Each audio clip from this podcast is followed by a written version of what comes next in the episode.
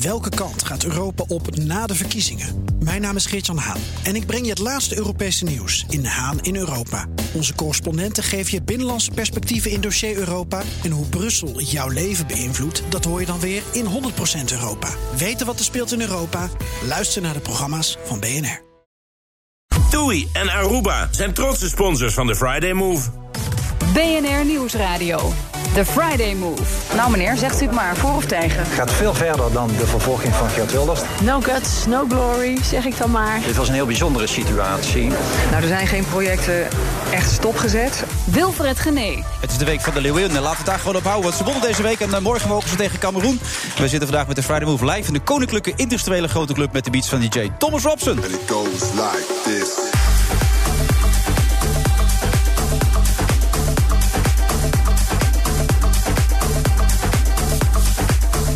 Ze is niet meer weg te denken uit de rechtszaal. Telegraafjournalist Saskia Belleman is vandaag mijn co-host. En ook Liesbeth Rasker is aanwezig. Zij breekt een het in je eentje reizen. Waarom? Dat hoor je zo meteen. En vlogger Nienke Plas staat in het theater met Van de Hak op de tak. En ze vertelt er straks alles over.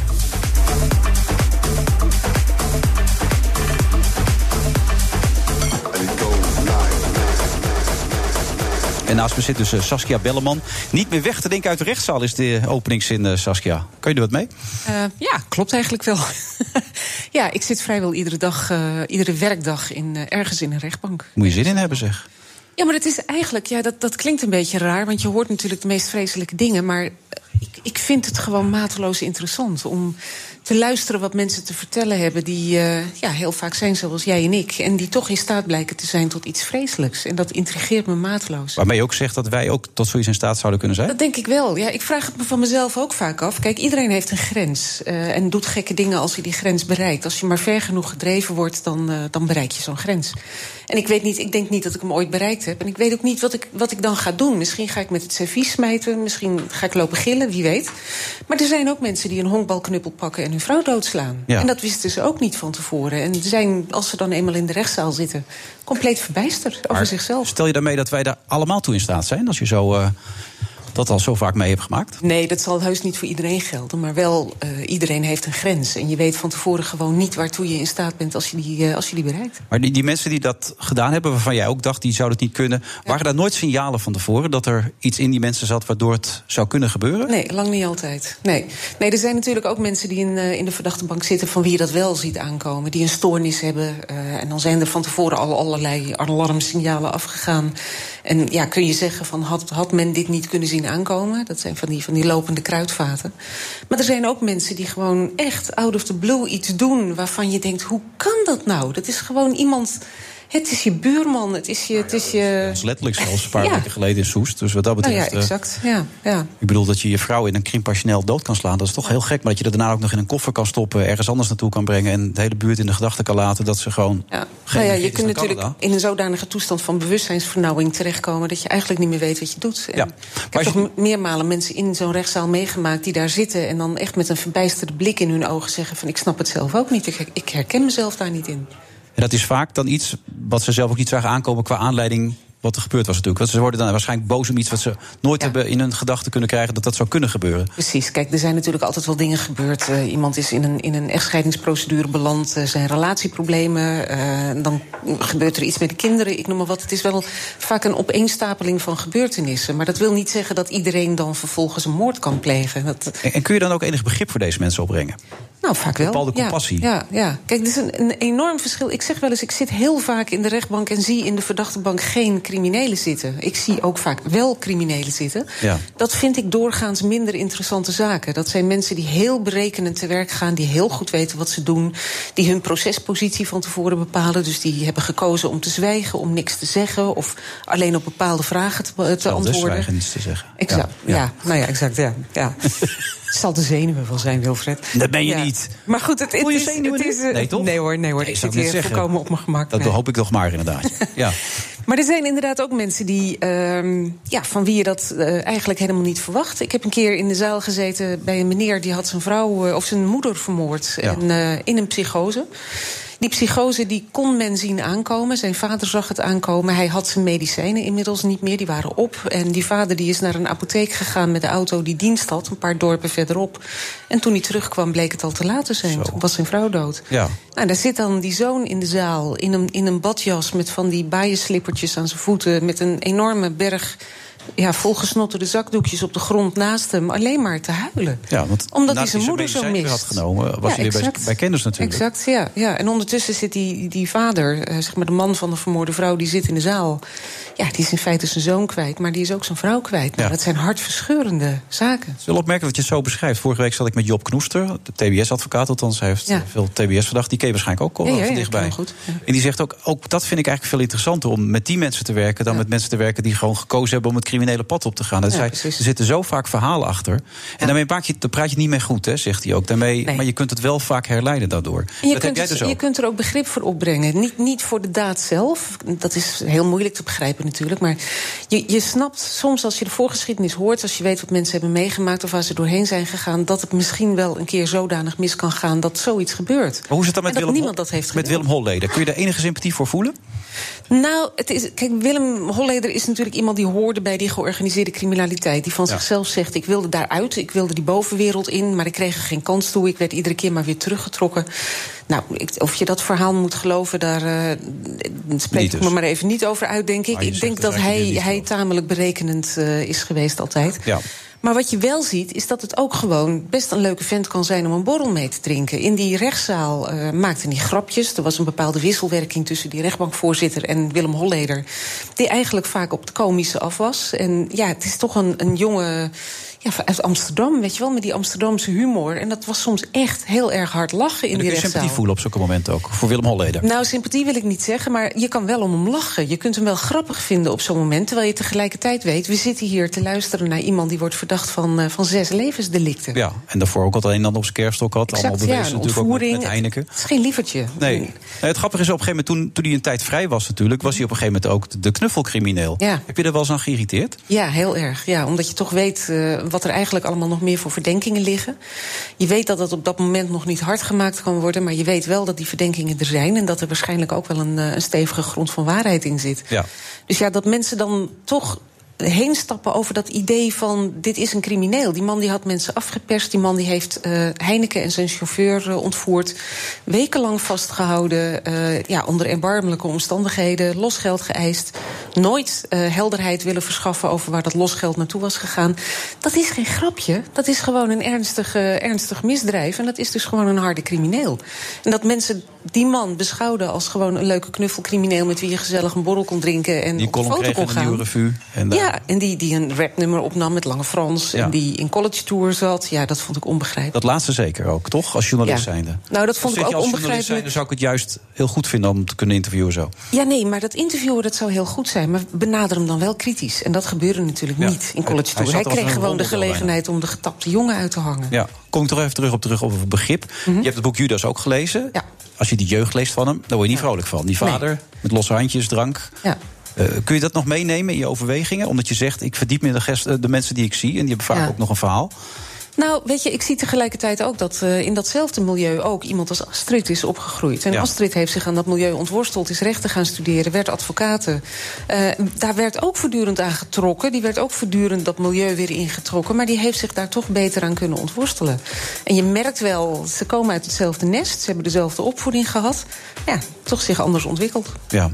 En hij zegt dat hij er niks aan kan doen. Hè? En hij werd teruggetrokken door Ja, het milieu. precies, dat dat is het geval. Hij is een beetje slachtoffer eigenlijk, als ik het zo hoor. Ja, weet je wel. Ja, zielig. Zie je dat trouwens vaak bij verdachten? Dat ze opeens in de slachtofferrol gaan? Niet opeens, dat, dat, dat zie je heel vaak bij verdachten. Ook als er wordt gevraagd van wat doet het nou met u als u zo'n slachtofferverklaring hoort. Ja, dan beginnen ze vaak over zichzelf. Hè? Ja? Zo van, het heeft enorme consequenties voor mij. Ik zie mijn gezin niet meer, ik ben mijn baan kwijt, ik ben mijn huis kwijtgeraakt. En dan denk je, oh, niet helemaal goed geïnstrueerd door de advocaat. Want ja, je moet het natuurlijk hebben over het slachtoffer... en niet alleen maar over jezelf. En die twee jongens die in Praag waren, waar jij onlangs ook bij was. Eén van de twee was dat oprecht of niet? De andere werd niet geloofd. Eén van de twee broers Ja. die die ober had geslagen, die werd zwaarder gestraft dan de ander. Omdat de rechter geloofde de een wel en de ander niet. Ja, dat kwam een beetje omdat de psycholoog die ze had onderzocht zei... ehm, toen ik vroeg aan die jongens, eh, toen, toen ik een gesprek met ze had... welke drie dingen ze het liefst wilden in de wereld... toen zei die ene broer, ik wil dat eh, de ober helemaal herstelt... en dat hij er weer helemaal bovenop komt.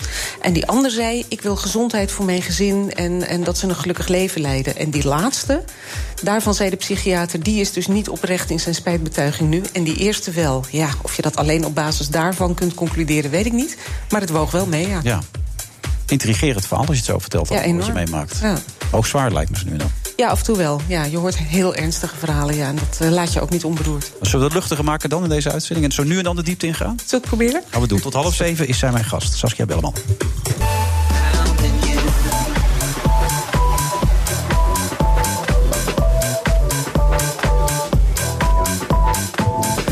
Vrijdag eh, 14 juni. We zitten live vanuit de Koninklijke Industriële Grote Club in Amsterdam. Was je wel eens eerder geweest, eh, Saskia Belleman? Eh, ja, twee keer. Niet heel vaak, ik ben geen lid van de club. Eén keer bij de, de uitreiking van de eh, prijs voor de rechtbankjournalistiek. Die ik niet won, overigens. Wie won dat dan? Ehm, God, dan ben ik even zijn naam kwijt. Een, verdrongen, ik zie het. hij had een geweldig boek geschreven. Oh, Eh, de gekooide recherche heet het. Nou ben ik zijn naam even kwijt, maar dat boek, dat moet je echt lezen. Oké, dus dat is wel terecht dat je Ja, die hij was een won. verdiende winnaar, absoluut. Een andere gelegenheid, weet je die ook nog, dat je hier was? Eh, nee, dat weet ik eerlijk gezegd niet meer. Ik had een afspraak hier met iemand. En die introduceerde mij, maar... eh, Het is een chique club, hè? ja, mooi hè? Ja, heel mooi. Hoe heb je er eigenlijk tijd voor kunnen maken om hier te zijn? Want ik neem aan dat je elke dag in die rechtbank zit... dat je eigenlijk helemaal geen tijd over Nou, eigenlijk had ik ook nog in de rechtbank moeten zitten. Maar omdat ik jullie had beloofd dat ik hier zou zijn, ben ik weggegaan. Bij welke zaak zat je dan? Ik zat bij een zaak van, eh, ja, eigenlijk twee tegelijk. Eentje van een verdachte in Assen die eh, verdacht werd van een eh, moord op zijn huisgenoten. Oh.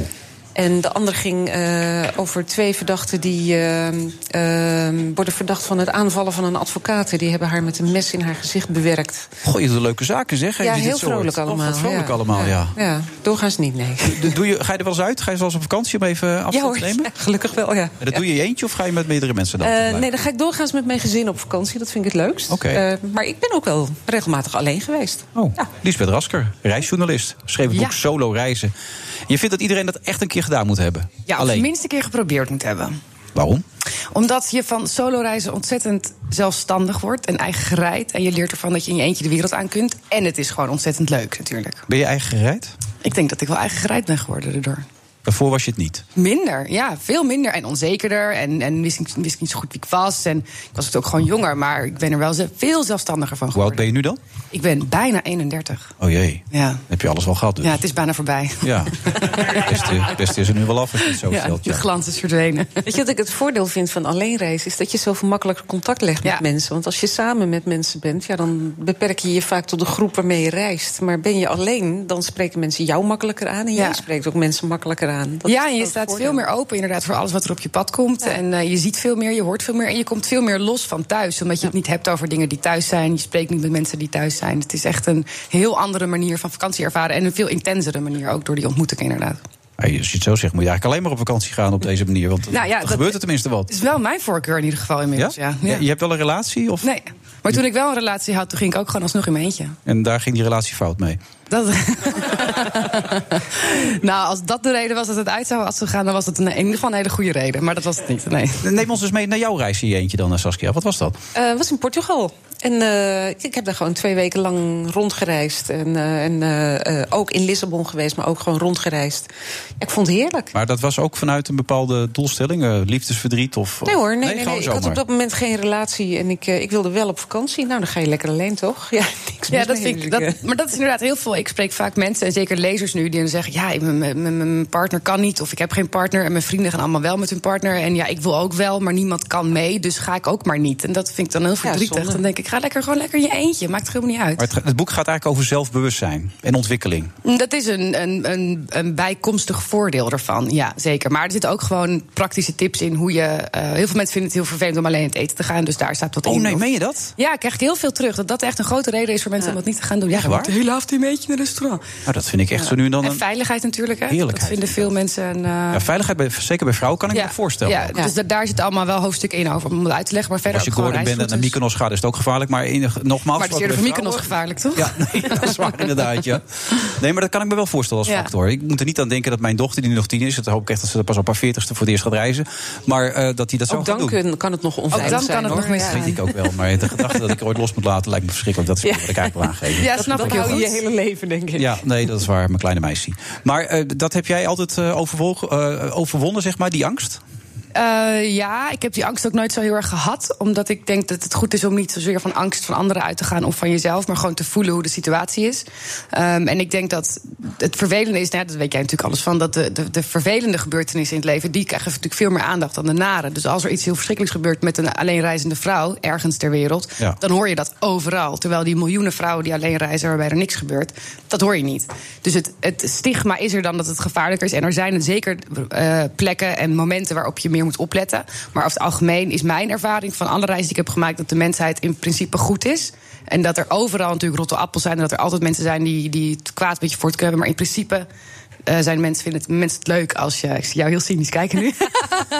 Nee, nee, nee, helemaal niet cynisch hoor. Nee, ik moest alleen even denken toen je het had over... je komt overal rotte appels tegen. In sommige landen eh, heb je wel, denk ik, als je als vrouw alleen reist... Ja. eerder last van mannen die denken... ha, loslopend wild. En Ja. die blijven dan de hele tijd naast je lopen, naast je rijden. nou ja, er is natuurlijk dan een, inderdaad een andere omgang tussen bedoelt man en meer de zuidelijke landen, of heb je het nu over? Of ga je Dat, nog dat was dan? bijvoorbeeld in Portugal overkwam me dat. Dat ik de hele dag iemand naast me had te rijden in een auto. En waar ik ook naartoe ging en hoe lang ik ook ergens binnen bleef. Als ik eruit kwam, dan stond hij daar weer. En dan bleef hij weer naast me rijden. Dat is toch eng? Nou, het was vooral hinderlijk. Dus op Ja. een gegeven moment dan sla je een steegje in... en dan past die auto niet in en dan heb je hem afgeschud. Ja. Je- Je praat er heel makkelijk over, maar ik kan me voorstellen dat dat een beetje op je zenuw gaat werken hoor, zoiets. Nou, ik vond het vooral hinderlijk. Maar ik, ik ben geen moment bang geweest. Nee. Of, eh, nee, ik vond het niet eng. Ik vond het alleen stierlijk vervelend. Ja. Zo'n plakker. Ja, dat, dat, dat, vaak is dat het hoor. Vaak is het gewoon heel vervelend. En, en, en mannelijke aandacht krijg je natuurlijk dan meer. Er wordt naar je geroepen eventueel ook. Of van, ja, dat, dat meeste vrouwen, zeker als je in een stad woont... dan leer je daar wel gewoon een beetje immuun voor worden. Want dat gebeurt ook gewoon hier. Maar wat wil je met het boek bereiken eigenlijk? Wat is je doelstelling, je hogere doel? Ja, mijn hogere doel is, is natuurlijk dat zoveel mogelijk mensen dit gaan doen. Maar vooral dat zoveel mogelijk mensen zelfstandig daarin gaan worden. Ik, ik schrijf veel voor, eh, voor vrouwentitels en eh, veel vrouwelijk, eh, vrouwelijke lezers. En daar veel contact mee. En ik merk gewoon heel vaak dat mensen zich nog heel erg laten beperken in hun, in hun doen en in, doen en laten. Omdat ze niet iemand hebben om dat mee te gaan doen. Of het nou naar de bioscoop gaan is, of uit eten gaan, of naar een festival, of whatever je wil gaan doen. En ik denk dat dat reizen is zo'n ontzettend goede en leuke manier om ja, wat, wat zelfstandiger daarin te worden. En je geluk niet meer te laten afhangen van anderen. Je gaat jezelf ook leuker vinden. Want je Ja. moet met jezelf in contact komen Ja, je gaat jezelf zoveel leuker vinden. En je gaat ook heel erg veel meer ontdekken waar je wel blij van wordt en waar je niet blij van wordt. En ja, ik denk als je in je eentje jezelf kunt vermaken, dan, heb je het, dan, dan, dan zit het wel goed. Weet je, zoveel mensen zijn bang Wat voor eenzaam ontdekte jij in jezelf toen je jezelf leuker ging vinden? Wat vond je zelf opeens leuk aan jezelf? Oh, heel veel dingen. Ik, ik merkte dat ik, eh, dat ik veel eh, eh, spontaner was dan ik daarvoor durfde te zijn. En ehm, dat, ik, dat ik echt niet, dat, dat ik veel slimmer was ook eigenlijk. Dat ik prima mezelf wel kon redden. Hier in Amsterdam, ik woon hier, dat is natuurlijk allemaal, allemaal gesneden koek. Maar een trein uitvlogen in India, dat kon, dat kon best wel even een puzzel zijn. En Ja. dat je denkt, oh, maar dat kan ik eigenlijk wel gewoon. En ik denk dat. Stratenboek lezen enzovoort als vrouw? Ja, dat is toch ook een Google Google Maps dit, voor tegenwoordig. Zo oud. Zo oud ben ik nou ook weer niet. Ehm, maar dat je, dat je, ik denk dat, en dat is wel, dat, dat zit, hebben zeker veel vrouwen een soort default modus van, oh, dat kan ik niet. Of, oh, dat vind ik eng, heb ik nog nooit gedaan, vind ik moeilijk. En dat, dat leer je echt wel af. Omdat je, ja, je, je moet wel. Je kunt het aan niemand anders vragen. Dat is een vorm van therapie als ik het zo hoor, Saskia. Ja, is het echt? Zelf gaan reizen. Ja. Zo heb je het ook ervaren als een vorm van Nou, het, therapie. het werpt je wel een beetje terug op jezelf. Dus je, je moet jezelf vermaken. Er is niet automatisch een gezelschap waarmee je inderdaad kunt beslissen van eh, we gaan uit eten en het gesprek komt vanzelf wel. Dus je moet het inderdaad wel zelf doen. Ja. Ja. Maar ik vond het eerlijk gezegd heel louterend hoor. Ik vond het, Ja. eh, ik vond het leuk. Toch? Ja, maar dat, is, maar dat, is, dat zeg ik ook. Je- Dat staat ook in het boek. Je kunt, eh, je kunt ervoor in therapie gaan, maar je kunt ook gewoon alleen op reis. Dat is aanzienlijk scheelt. leuker. Het scheelt. Ja. Ik bedoel, want alles wat je als een psychiater of psycholoog uitgeeft, die kun je lekker, hè, kun je lekker met jezelf uit Daarom, eten gaan ja. en zo. Avondje met jezelf naar de discotheek, Ja. hè, dan Veel naar de bioscoop. leuker. Je Ja. moet ook voorzichtig beginnen, zeg je in het boek, hè? Opbouwen. Nou ja, Niet onmiddellijk lange vakantie, eerst even in je eentje gaan eten. Nou ja, als je naar dat wel wil, dan is het prima. Maar ik denk dat er ook mensen zijn die het nog wat spannender vinden. Dan zeg ga lekker gewoon een weekendje naar Vlieland of naar Parijs. Of, Ja. eh, en als, je, dat, als dat al, al misschien te grote stap is, inderdaad, doe wat meer dingen alleen. Gewoon thuis. Ga alleen een keer lunchen in een plek die je kent, aan een museum. Je hoeft niet meteen 4,5 maand in je eentje door uh, onherbergzaam China te gaan. Dat, dat Ik vind het hele goede tips, dit. Hartstikke goede tips. En het is tegenwoordig in restaurants ook al niet meer zo... Hè, dat je automatisch als je in je eentje bent bij, naast de wc wordt neergezet... of naast de voordeur. ja, dat, dat was gewoon zo. Maar het is wel grappig, want ik vind het namelijk echt een feest in mijn eentje uit eten gaan. Ja, waar? en, ja, Oké. en, Ja. eh, maar ik had het laatst was ik in mijn eentje was ik naar Texel gegaan, een paar dagen. En toen ging ik in het restaurant zitten. kwam op een gegeven moment een man zo bij me zitten. U zit er zo al lang al alleen, zal ik bij u komen zitten? Ik zei, nou, als je het niet erg vindt, ik vind het namelijk heel fijn in mijn eentje. Ja. Dus Kon hij zich niet voorstellen. Die stap is heel verwacht aan te kijken. Nou, die is niet helemaal goed. Ja. En die is toen weer weggegaan. Maar wat ook nog een. eh, ja, dat, dat heb ik ook wel vaak meegemaakt. Ik vind het ook heerlijk alleen. Maar wat ik wel vaak vraag als ik alleen in het eten ga, dan vraag ik of ik aan de bar mag zitten. Wat vaak wel gebeurt. En dat vind ik de leukste plek. Want dan heb je een beetje contact met iedereen. En dan, eh, dan, Ja. ja. ja, dan, dan je- zie je nog wat. Ik vind het een goed verhaal, eh, Lisbeth Rasker. Fijn. Ga ermee door. En al die mensen die luisteren nu onmiddellijk boeken in je eentje. Ja, zeg maar tegen je partner, ja, sorry, maar ik ga mezelf werken. ik vind mezelf wel een stuk leuker straks als ik terug ben. En dat is ook goed voor onze relatie. Solo reizen. Staat in dat boek van Lisbeth. Bedankt. Graag gedaan. BNR Nieuwsradio. The Friday Move. Nou, if we don't have a deal, if we don't make a deal. Dit was een heel bijzondere situatie. Eh, omdat het een heel beladen onderwerp is. Het is ook een heel gevoelig onderwerp. Het is duidelijk dat, eh, dat we daar ook eh, eh, aan de bak moeten. Wilfred Genee. Vlogger, presentatrice, cabaretier en ook nog zangeres. Het is ongelooflijk, maar Nienke Plas doet het allemaal.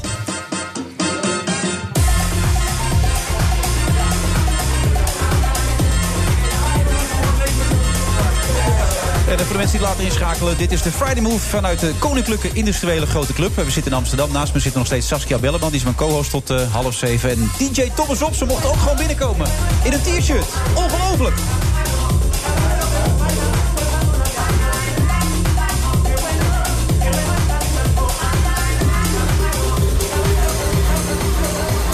Maar dat is natuurlijk eigenlijk een hele chique club. Je moet eigenlijk in een, eh, in een gele of rode of blauwe broek binnenkomen natuurlijk. Een pochetje hebben, dat soort zaken allemaal. Zo, zo is het wel een beetje eigenlijk, toch Saskia? Als je om je heen kijkt, toch? Netjes. Nou, ik zie niet Nette zo heel mensen. veel rode en gele broeken. Alleen hoor, maar nette gezegd. mensen. Dat, eh, oh, de ja, man met de rode broek loopt net ja. buiten. Dat, is, dat is nou jammer. Er stond echt een man met een rode broek daarnet. Dat is serieus waar.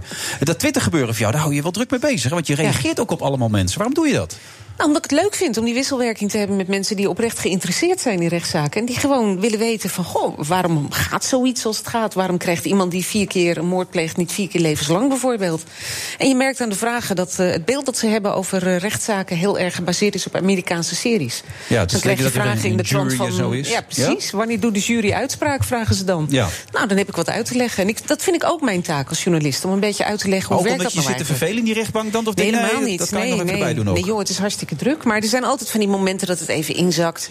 Of dat een verdachte heel lang moet nadenken over zijn antwoord. Of dat een tolk dat eerst moet vertalen. Nou, dan Ja. heb ik tijd om even wat vragen te En dan beantwoorden. denk je, ga ik even dan. naar de mensen toe. Precies. Ja, en dan soms ben je ook als boos. Je blokt mensen ook wel eens zo, toch? Ja, als ze het echt te gek maken, als ze, als ze echt puur racistische taal uitslaan, als, ze, als ze onbeschoft worden, als ze Ja. beginnen te schelden, eh, daar hou ik niet zo van. Dus Nee. meestal geef ik dan een waarschuwing en dan vraag ik of ze ermee willen ophouden. Nou, vaak lukt dat eh, en soms niet. En dan krijgen ze een blok. Oké, Nienke, hoe zit het bij jou eigenlijk? Jij zoekt ook veel contact met de buitenwereld. Jazeker. Maak je je ook wel eens druk? Ben je ook wel eens boos? Blok je ook wel eens mensen? Ik ben gelukkig niet zo vaak boos. En ik krijg ook gelukkig niet zoveel negatieve reacties. Maar als er een hele lelijke tussen zit. en ik zie een mooie opening om er een grapje over te maken. dan laat ik hem niet liggen natuurlijk. Maar wordt het een grapje wordt het dan? Wordt niet nou, dat omdat hard, ik. hard Kijk, als ik, ga niet. Kijk, als iemand. Ik zeg wat. Stel iemand zou wat zeggen over. eh, dat ik een donkere partner heb. Ja. Dan meestal gewoon afwijzen. Dus je Ja, hebt een donkere partner? Ik heb een donkere partner, ja. ja. ja. Nou ja, mochten mensen dan denken, ja, dat moet je niet doen, want je, want je, moet, je moet bij je eigen volk blijven. Ik zeg maar even iets heel Gebeurt dat? Nou, dat is Echt wel waar? eens gebeurd. En meestal wijs ik het af, want dat zijn niet de, ik kan die discussie niet aangaan, want ik ga niet winnen. Zij denken zo en ik denk zo. Maar Ze weten niet dat het een hele gespierde gozer is. Als ze dat weten, dan denken ze gelijk... nou, Ja, ik- dat doen we niet meer, hè, dat soort teksten. Ja, want hij zit hier, dames en heren, dus dan moet je oppassen. Maar, ik vind het vooral, ehm, als iemand een opmerking maakt... en ik kan er een grapje van maken omdat eigenlijk diegene dan een beetje te kak zetten... dan vind ik het weer leuk. En niet zozeer dat ik het dan ga screenshotten en dan in mijn story doe. Dat doe ik niet. Ik maak gewoon het grapje naar die persoon... zodat diegene dan denkt, auw, dat was Ja. eigenlijk on me dan, dat ik dit deed. Eigenlijk beter ook, hè, dan boos te worden. Want dan geef je ze ook eigenlijk wat ze willen natuurlijk op die manier. Ze willen aandacht. En ik wil, wil ze best een beetje aandacht geven, maar dan wel positieve aandacht. Ja. maar ja, uiteindelijk wil iedereen aandacht. Anders doen wij dit natuurlijk ook niet. Zitten we niet, eh, zit je niet te vloggen, ben je geen presentatrice. Wat, wat is bij jou de drive om dit te willen? Ik ben begonnen met comedyvideo's en dat was echt de drive. En eigenlijk nog steeds. Het ging me echt om de lach. Ik ben echt. ehm, ik heb iedere woensdag een jaar lang video's gemaakt waar ik alleen maar grapjes maakte. En op het moment dat ik zag dat het goed aansloeg, dacht ik: oh, dit wil ik live doen. Dus, Dus je bent een vrouw met humor. Ze zeggen het. Ja, die kom je niet veel tegen. Dus, dus, nee, laten het we eerlijk ligt er zijn. maar. Ja, ja, het is ook nog eens smaak. Humor is ook nog eens iets, iets relatiefs. Dus het is ook nog eens je smaak of niet. Ja. Maar, er waren veel mensen die het leuk vonden. Genoeg, in nou ieder ja, geval. dan betekent dat je humor hebt. Ja, tenminste. Want als eh, zo'n grote groep dat kan waarderen, toch? Ja, zeker. Dus in het theater gaat het ook goed, dus ik mag niet klagen. Zo, die is goed bezig. Kende je haar eigenlijk al, voordat we hier zaten? Nee. Nee, maar ik vind het wel heel interessant om Want te ze leren doet veel, kennen. hè? Ze doet Ja, eerst, op. YouTube Ja. en dat soort dingen. Maar je bent ook op tv inmiddels met allerlei programma's bezig geweest. Expeditie Rob is er zelfs in gezeten. Nou, dan ben je klaar eigenlijk, toch? Dan kun je stoppen. Dan, als Dus je dat leven- hebt gehaald, dan is het goed. Dan is goed. Het theater nu ook dus. Ja, theater. Ik heb een, eh, een tour gedaan van 30 voorstellingen.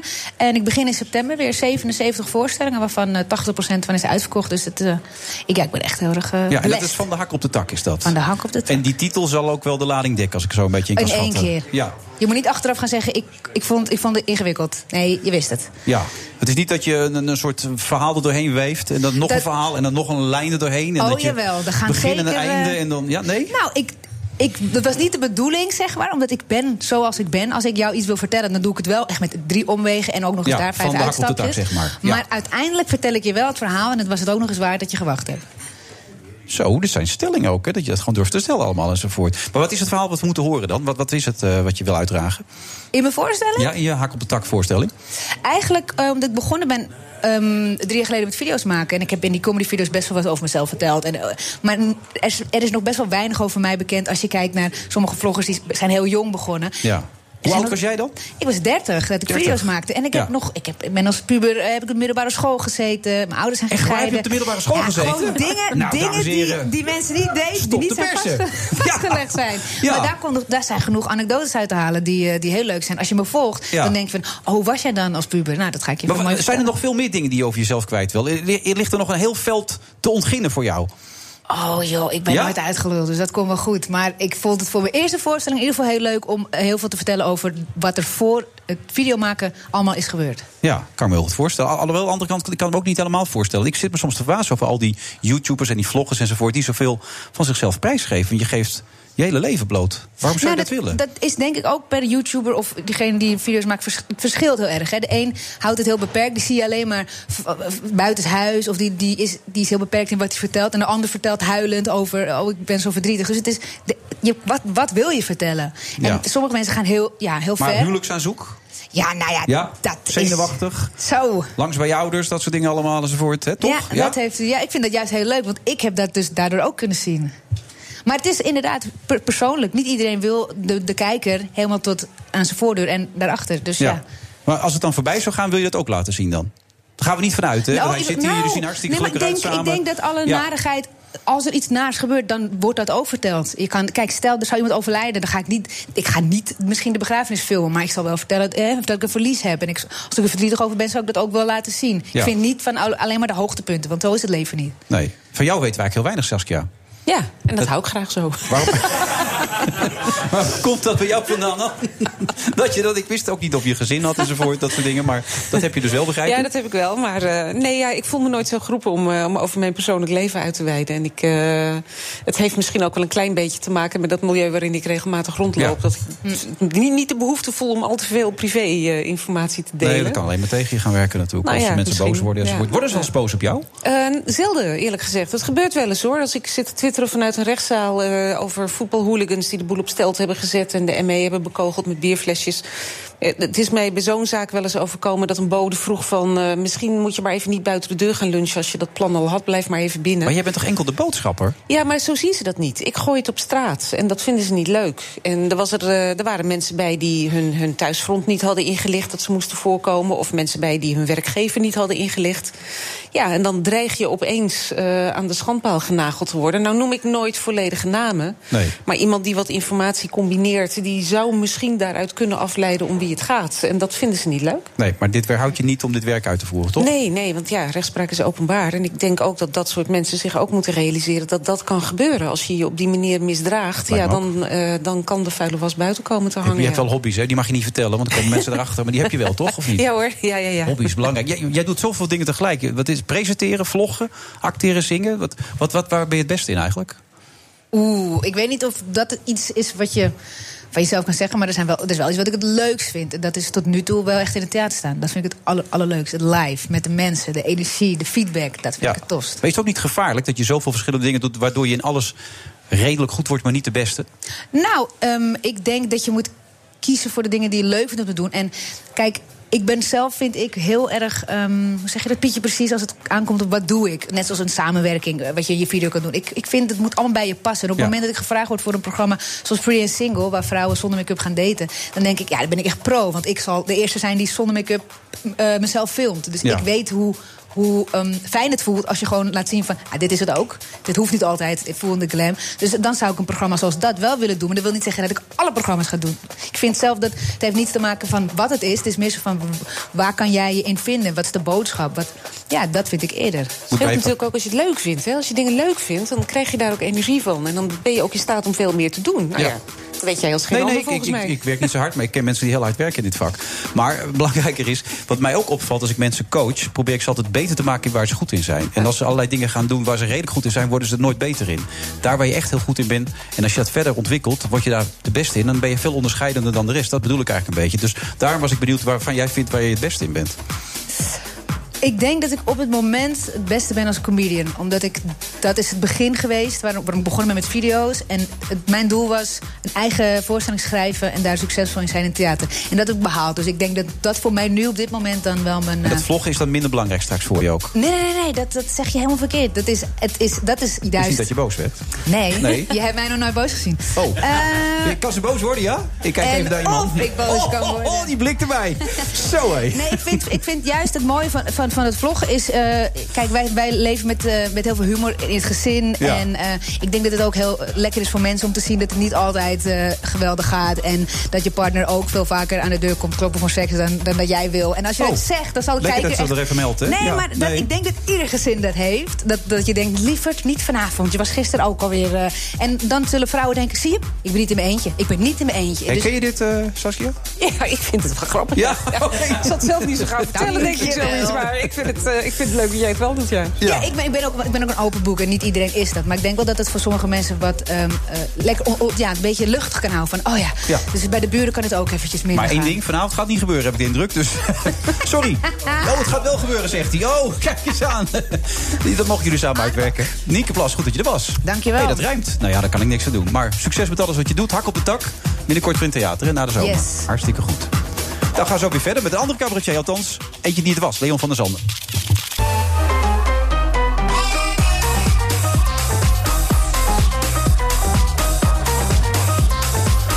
Vrijdag eh, 14 juni. We zitten in de grote, nee dat zeg ik, Koninklijke Industriële Grote Club. Hoe werkt deze volgorde? Dat heb ik me altijd zitten afvragen waarom dat die volgorde is. Maar dat maakt verder uit. uit. Da- Naast me Saskia Belleman, waar we eigenlijk niks van mogen weten... anders dan dat ze rechtbankverslaggeefster is bij de Telegraaf... en een gezin heeft waar ze niks over wil vertellen. Net zoals ook niet iets kan zeggen over haar hobby's.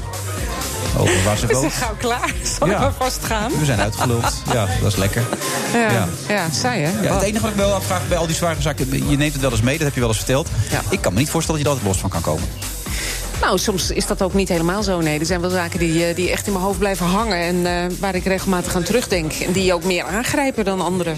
Dat, Ja. ja, die zaak Anne Faber, nou, dat, dat is natuurlijk een tamelijk recente zaak... die eh, bij iedereen er enorm in heeft gehakt. En als Michael eh, P. dan zegt dat hij, eh, dat hij niet meer goed kan tennissen... omdat hij bij zijn arrestatie nogal hard is aangepakt... dat hij ook Anne Faber met respect heeft behandeld. Ja, Wat dat gebeurt er met jou dan?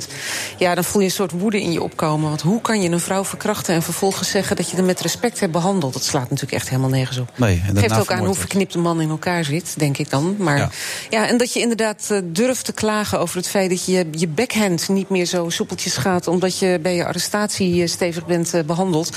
Kijk, dat, je, dat er regels moeten worden nageleefd, dat is volkomen logisch. Je mag niet iedereen zomaar tijdens een arrestatie eh, mishandelen Nou, om bekentenissen af te dwingen of zo.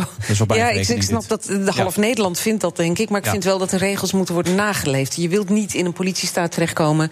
Je wilt niet terechtkomen in een land waarin mensen worden gemarteld om Ja. bekentenissen te krijgen. Maar bij Michael P. wil ik nog een uitzondering maken. Ja, dat zeggen meer mensen. Maar waarom dan Michael P. wel en waarom Oh, ik kan er nog wel een paar verzinnen... maar in dit geval is dit Ja. waar we het over hebben nu Ja. op dit moment. Ja, ik denk dat die regels toch voor iedereen moeten opgaan. Maar goed, in dit geval denk ik eh, was die mishandeling ook weer niet van die aard... eh, dat je kunt zeggen dat dat eh, voor strafvermindering, tot strafvermindering moest leiden.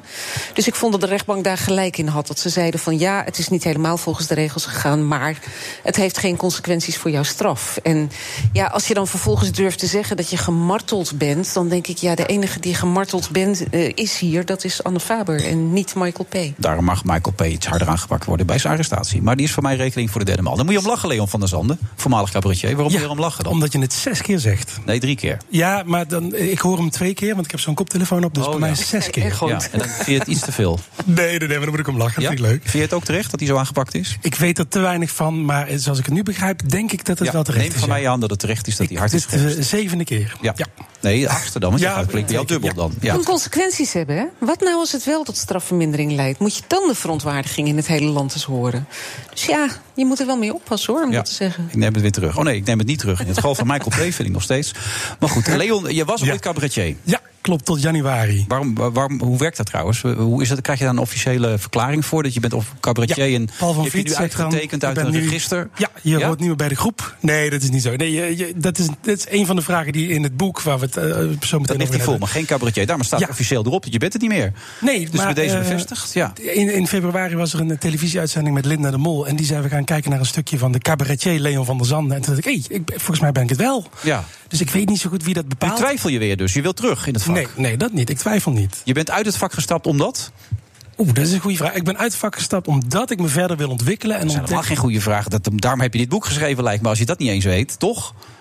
Eh, nee, nee, dit hoeft niet per se met elkaar. Oh. Ik heb het boek ook niet geschreven. Oké, maar het gaat wel over jou. Ja. Oké, omdat. Ja. Ja, die vraag nog. Ja. Eh, omdat eh, ik me verder wil ontwikkelen en ontdekt heb dat na 20 jaar cabaret en 20 jaar theater, ik me niet meer verder kan ontwikkelen binnen die vier muren van theater en binnen het jasje van cabaret. Dus ga ik andere dingen doen. Of omdat je niet leuk genoeg was, kan dat ook? Eh, nee, dat is niet het goede antwoord. Nee? Ja, dat weet ik niet. Ja, ik vind van niet. Ja, ik, het is, ik, ik het laat het niet van ik, ik, heb het, ik heb het van collega's van jou wat navraag gedaan. Ja. En, en misschien wel flauw, maar die zeiden Iedereen allemaal... hij is super professioneel, hij is verschrikkelijk aardig... maar hij is niet zo grappig. Echt waar? Ja. Oh, geweldig. Ik zal niet de namen erbij noemen die dat Oh, gezegd hebben. nou, maar- nee, nee, nee, dat vind ik lullig. Dan moet ik even aan ze vragen of ze dat goed vinden. Ja, Kom ik ze straks tegen Ja. in de...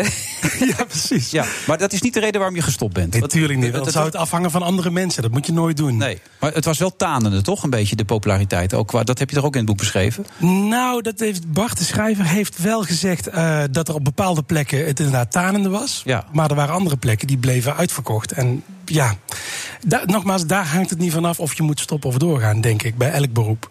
Nou ja, het succes kan wel een verschil maken. Als je elke week volle zaal in, eh, in, in, in pakken beter Lamar zo trekt... dan kan ik me voorstellen dat je denkt, nou, gaat lekker zo. Het is wat dokter Phil altijd zei. Zolang als het werkt voor je, ga je ermee door.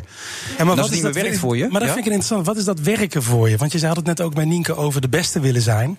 En dat vind ik niet dat het iets, dat iets werkt. Want de beste willen zijn, ja, dat, vind ik, ja, dat is een beetje Nee, middelbare school hoeft niet de beste maar. te willen zijn... maar je kan ergens de beste in worden door je ergens te specialiseren. Maar wie bepaalt of je de beste bent? Nou ja, zeker in eh, volle zalen, eh, hoge kijkcijfers. Vind ik, dat, vind ik, dat vind ik een beetje platte reden. Als dat bepaalt wie de beste is. Ik ken heel goede singer-songwriters waar nooit iemand van heeft gehoord. Vind ik de beste. Ja. Maar die komen niet aan Ahoy.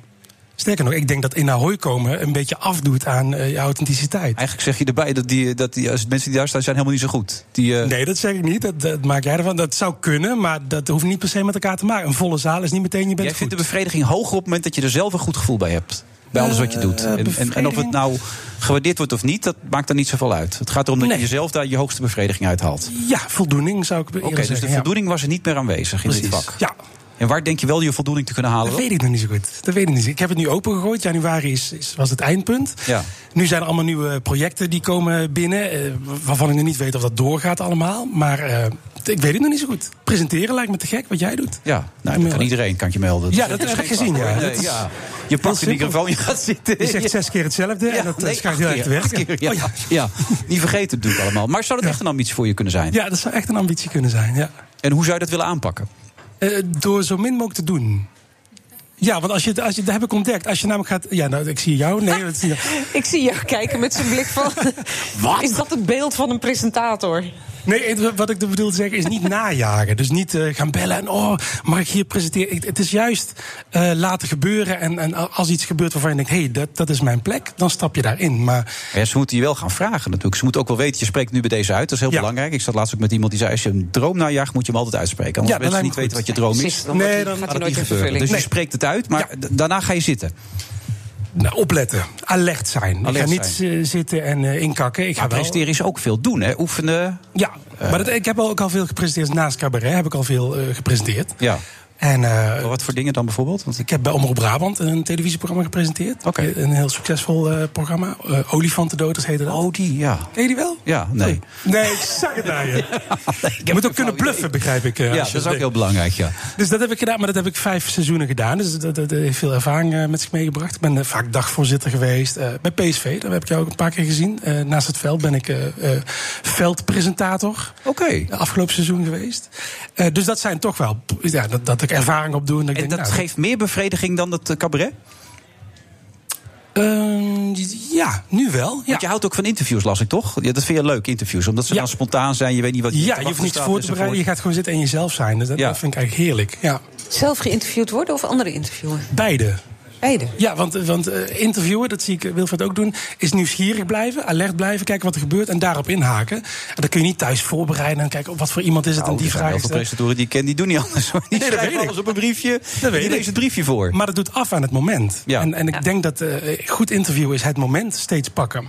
Maar even wachten dus op het moment dat de kans voorbij gaat komen. Maar je hebt toch ook dromen, ambities? Heb je iets in je hoofd wat je zo graag zou willen presenteren? Een genre, een programma? Ja, een eigen talkshow lijkt me wel fantastisch, ja. ja. Ja. TV of radio?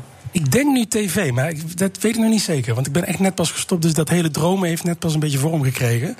Maar uh, ja, ja, ja, radio zou ook wel kunnen, maar ik ben ja, iets te knap om de hele tijd uh, radio te doen. Daar heb je andere mensen voor. Ja, nee, dus, ja.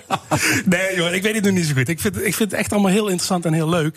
En het voordeel is, het hoeft niet nu. Ik bedoel, uh, ik ben gestopt en ik heb nu de tijd om even te ontwikkelen. Je kunt je ook voorlopen, zeg maar, om even stil te zitten. Ja, ja de, de, de, de carrière lekker, is dermate goed gegaan dat ik me wel even kan... Uh, ja. Oh, dat zou ik ook wel eens willen. Even stilzitten gewoon. Even een jaar niks doen. Heerlijk lijkt me dat. Ja. Nou, bij deze neem ik jouw plek over. Ja. Nou, dan ga ik nu. Ja, dat is goed. Dames en heren, welkom bij... ja. Nee, maar ik ben benieuwd. Maar dat, wat voor genre zat, gaat dat dan worden, die talkshow? Is dat er juist met heel veel humor of een beetje hard erin? Nou, humor zit er sowieso in, want dat is twintig jaar mijn vak geweest. Ja, uh, maar dat lukt niet helemaal, toch? Nou, Jawel, ik vind het, tot nu toe is het. Uh, ja? ja, ik vind het heel goed. Ja, ik vind het heel goed. Ik wil het alleen niet steeds herhalen. Dus Nienke had de show, uh, het is 80 keer per seizoen gespeeld. Ja. ja, dat is een ander vak dan humor in het moment. En dat laatste vind ik veel interessanter. Dus dat, dat ligt er nog. En uh, uh, ik was de vraag even kwijt. Wat nou, het ging over die ambitie. Een talkshow zou je heel graag willen ja, doen. Maar dan ga je maar, oh ja, humor oh ja, en, en, en, en, persoonlijkheid. Want we hadden het net over Saskia dat ze juist dingen niet wil delen. Dat snap ik helemaal. Maar ik vind het juist interessant worden als Saskia wel over de uh, moeder zou vertellen of zo. Dus daar zou ik wel iets in willen doen. Wat zou je willen weten van de moeder van Saskia dan? Weet ik niet wat, wat Saskia daarover zou willen vertellen. Of ze veel op de lijkt bijvoorbeeld, qua gedrag. Uh, ja, tot op zekere hoogte wel. Ja. Kijk, dit is toch ja. prachtig. Nou leren we Saskia op een andere manier kennen dan dat ze politieke nou, standpunten wil bijvoorbeeld. Dan weet je nog niet zoveel. Dat niet, niet zoveel verder zijn nou, gezegd, hoor.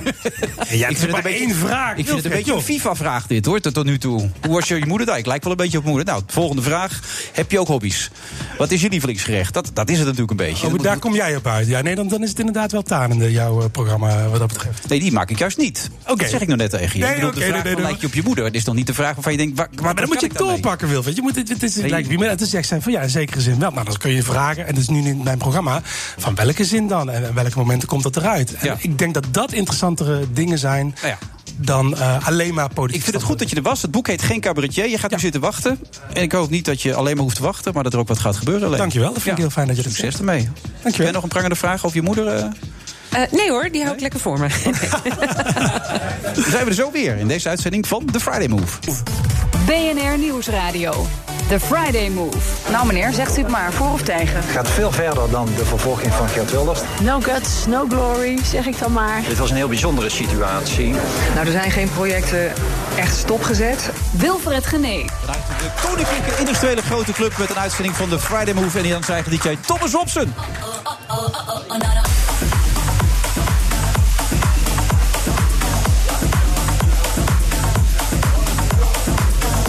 Rechtbankverslaggever Saskia Belleman, ja wel degelijk, tweet er rustig, lustig op los staat hier tijdens de meest uiteenlopende rechtszaken. Ze heeft bijna 80.000 volgers en tot half zeven is hij mijn co-host. Boris Dieterich is terug in de politiek. Eerder deze week werd hij beëdigd tot Eerste Kamerlid. En FD-journalist Sonny Motke schreef een boek over Camille Eurlings, de opkomst en de ondergang van een zondagskind.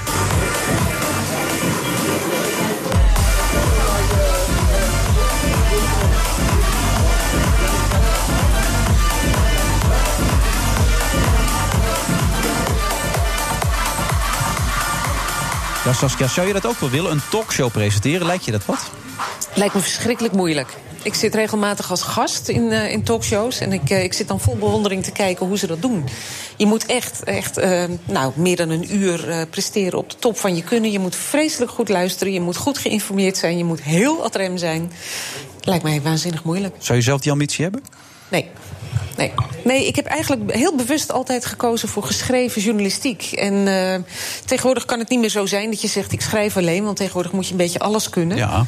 Uh, dus daarnaast twitter ik ook en ik sta regelmatig voor een camera om even uit te leggen hoe, uh, hoe een rechtszaak in zijn werk is gegaan, wat er allemaal is gebeurd. En ik zit ook in radioprogramma's en zo. Vind ik hartstikke leuk en dat maakt het enorm afwisselend. Maar dat schrijven, dat heeft nog steeds wel mijn ware liefde. Ja, ben je goed in wat je doet? Um, ik, ja, ik denk het wel. Ja. En waar komt het door, denk je, dat je zo goed bent? Uh, omdat ik het uh, denk ik al heel lang doe. En omdat ik toch uh, ja, de drang heb om, uh, om het steeds beter te doen. Om mezelf steeds beter te maken. Om, om me ook kritiek aan te trekken en zo. In het begin, toen ik, uh, toen ik pas twitterde... ik wist echt helemaal niets van Twitter. Ik Nee. dacht, dat vond ik zo'n onzinmedium. Ja. Dan zag je af en toe berichtjes langskomen van mensen die in de supermarkt stonden... en zeiden welk merk hagelslag dacht moet ik ik ook kopen. altijd. Ik, gaat dit over? Ja, lekker Ja. belangrijk, ja. Ja. Totdat ik uh, het eerste proces Wilders moest gaan verslaan. En ik, uh, ik zat daar en ik dacht, ja, wat heb ik hier nou de volgende morgen in de krant nog aan toe te voegen? Iedereen is me dan al voor geweest. TV-ploegen zaten daar, uh, radiostations. Ja, wat heb je daar als krant dan nog, uh, nog aan toe te voegen? En toen zei een collega van mij, waarom ga je niet twitteren? En dat doe je dan gewoon live. En toen dacht ik, verdomd, Goed idee. waarom niet? Ja. Goed idee. Maar ik, ik moest echt wel een beetje opgevoed worden door mijn volgers, hoor. Die dan instructies gaven van, het is beter als je een hashtag gebruikt. En dan dacht ik in het begin, hashtag, waar heb je het over? uh, en ook als je een spatie zet tussen de hashtag en het laatste woord. En oké, okay, nou, dan nam ik dat over en dan ging ik dat doen. En ik kreeg op een gegeven moment vanaf de redactie uh, de, de, de mededeling van, ga zo door. Je, je krijgt volgers met honderden tegelijk. Terwijl ik het eigenlijk vooral deed omdat die Twitterfeed meeliep op onze website. En dat was mijn doel. Ik dacht, ik moet mijn eigen uh, afnemers, mijn lezers, Ja. uh, via de Telegraaf-website zoveel mogelijk actueel nieuws, nieuws bieden. En dat kun je doen door die Twitterfeed mee te lezen. Maar dat mensen ook rechtstreeks zouden aanhaken, had ik helemaal niet op gerekend. Maar lekker toch? Ja, was heel leuk. Maar ik dacht toen nog van nou, dat vinden ze alleen maar leuk van die zaak Wilders. En daarna zakt het natuurlijk in. Dat vinden mensen helemaal niet leuk over iedere rechtszaak. Maar ik dacht, laat ik het eens proberen. Dus ik begon schoorvoetend over andere rechtszaken te twitteren. En bij iedere rechtszaak kwamen er gewoon meer volgers bij.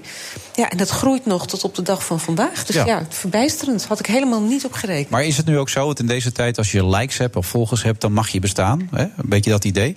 Besta je nu ook meer? Heb je nu het gevoel dat je meer bestaansrecht hebt? Nee, helemaal niet. Nee, ik heb meer het gevoel dat ik iets kan betekenen uh, in, de, in de zin van uitleggen. Kijk, als je een verhaal schrijft voor de krant, ja, die krant is niet van elastiek.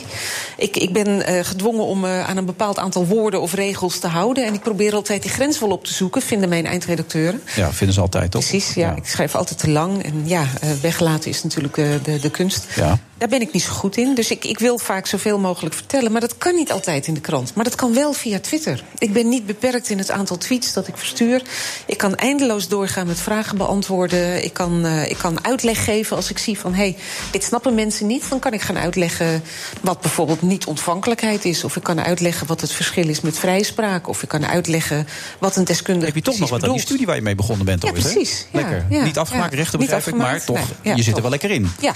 Ja. Nou, dat helpt wel hoor, dat je die basis hebt. Dat uh, is ontzettend handig. Want dat betekent toch dat je iets meer doorziet van het, uh, het hele spel. Dat je de termen beter begrijpt. Dat je ziet wanneer iets anders is dan anders. Uh, dat doet de ervaring ook, maar dat doet die rechtenstudie ook. Ja, het is wel lekker ook dat je jezelf goed kan vinden, toch? Dat is ook fijn. Ja, ja. Er was een tijd toch dat je twijfelde of je dat wilde gaan doen, toch? Een jaar of zes, zeven geleden, toen met tv, radio enzovoort. Dat je zag, die deskundige, dat kan ik ook. Toen dacht je, ik moet het toch maar gaan doen, toch? Nou, ik heb inderdaad heel lang uh, uitnodigingen om aan te schrijven bij talkshows afgehouden. Omdat ik dacht, ja, wie ben ik nou om daar een beetje te gaan zitten uitleggen? Saskia Belleman. Ja, maar wie, wie ben ik nu. nou? Dat bedoel ik dus. Ja.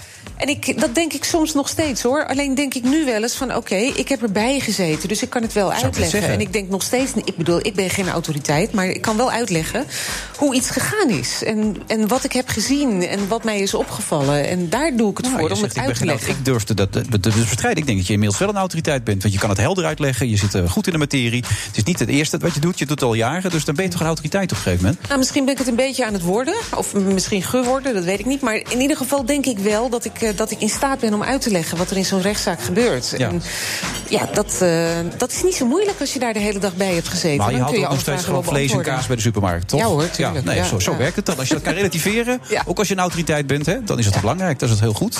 Gaan we zo over door. Autoriteit Saskia Belleman.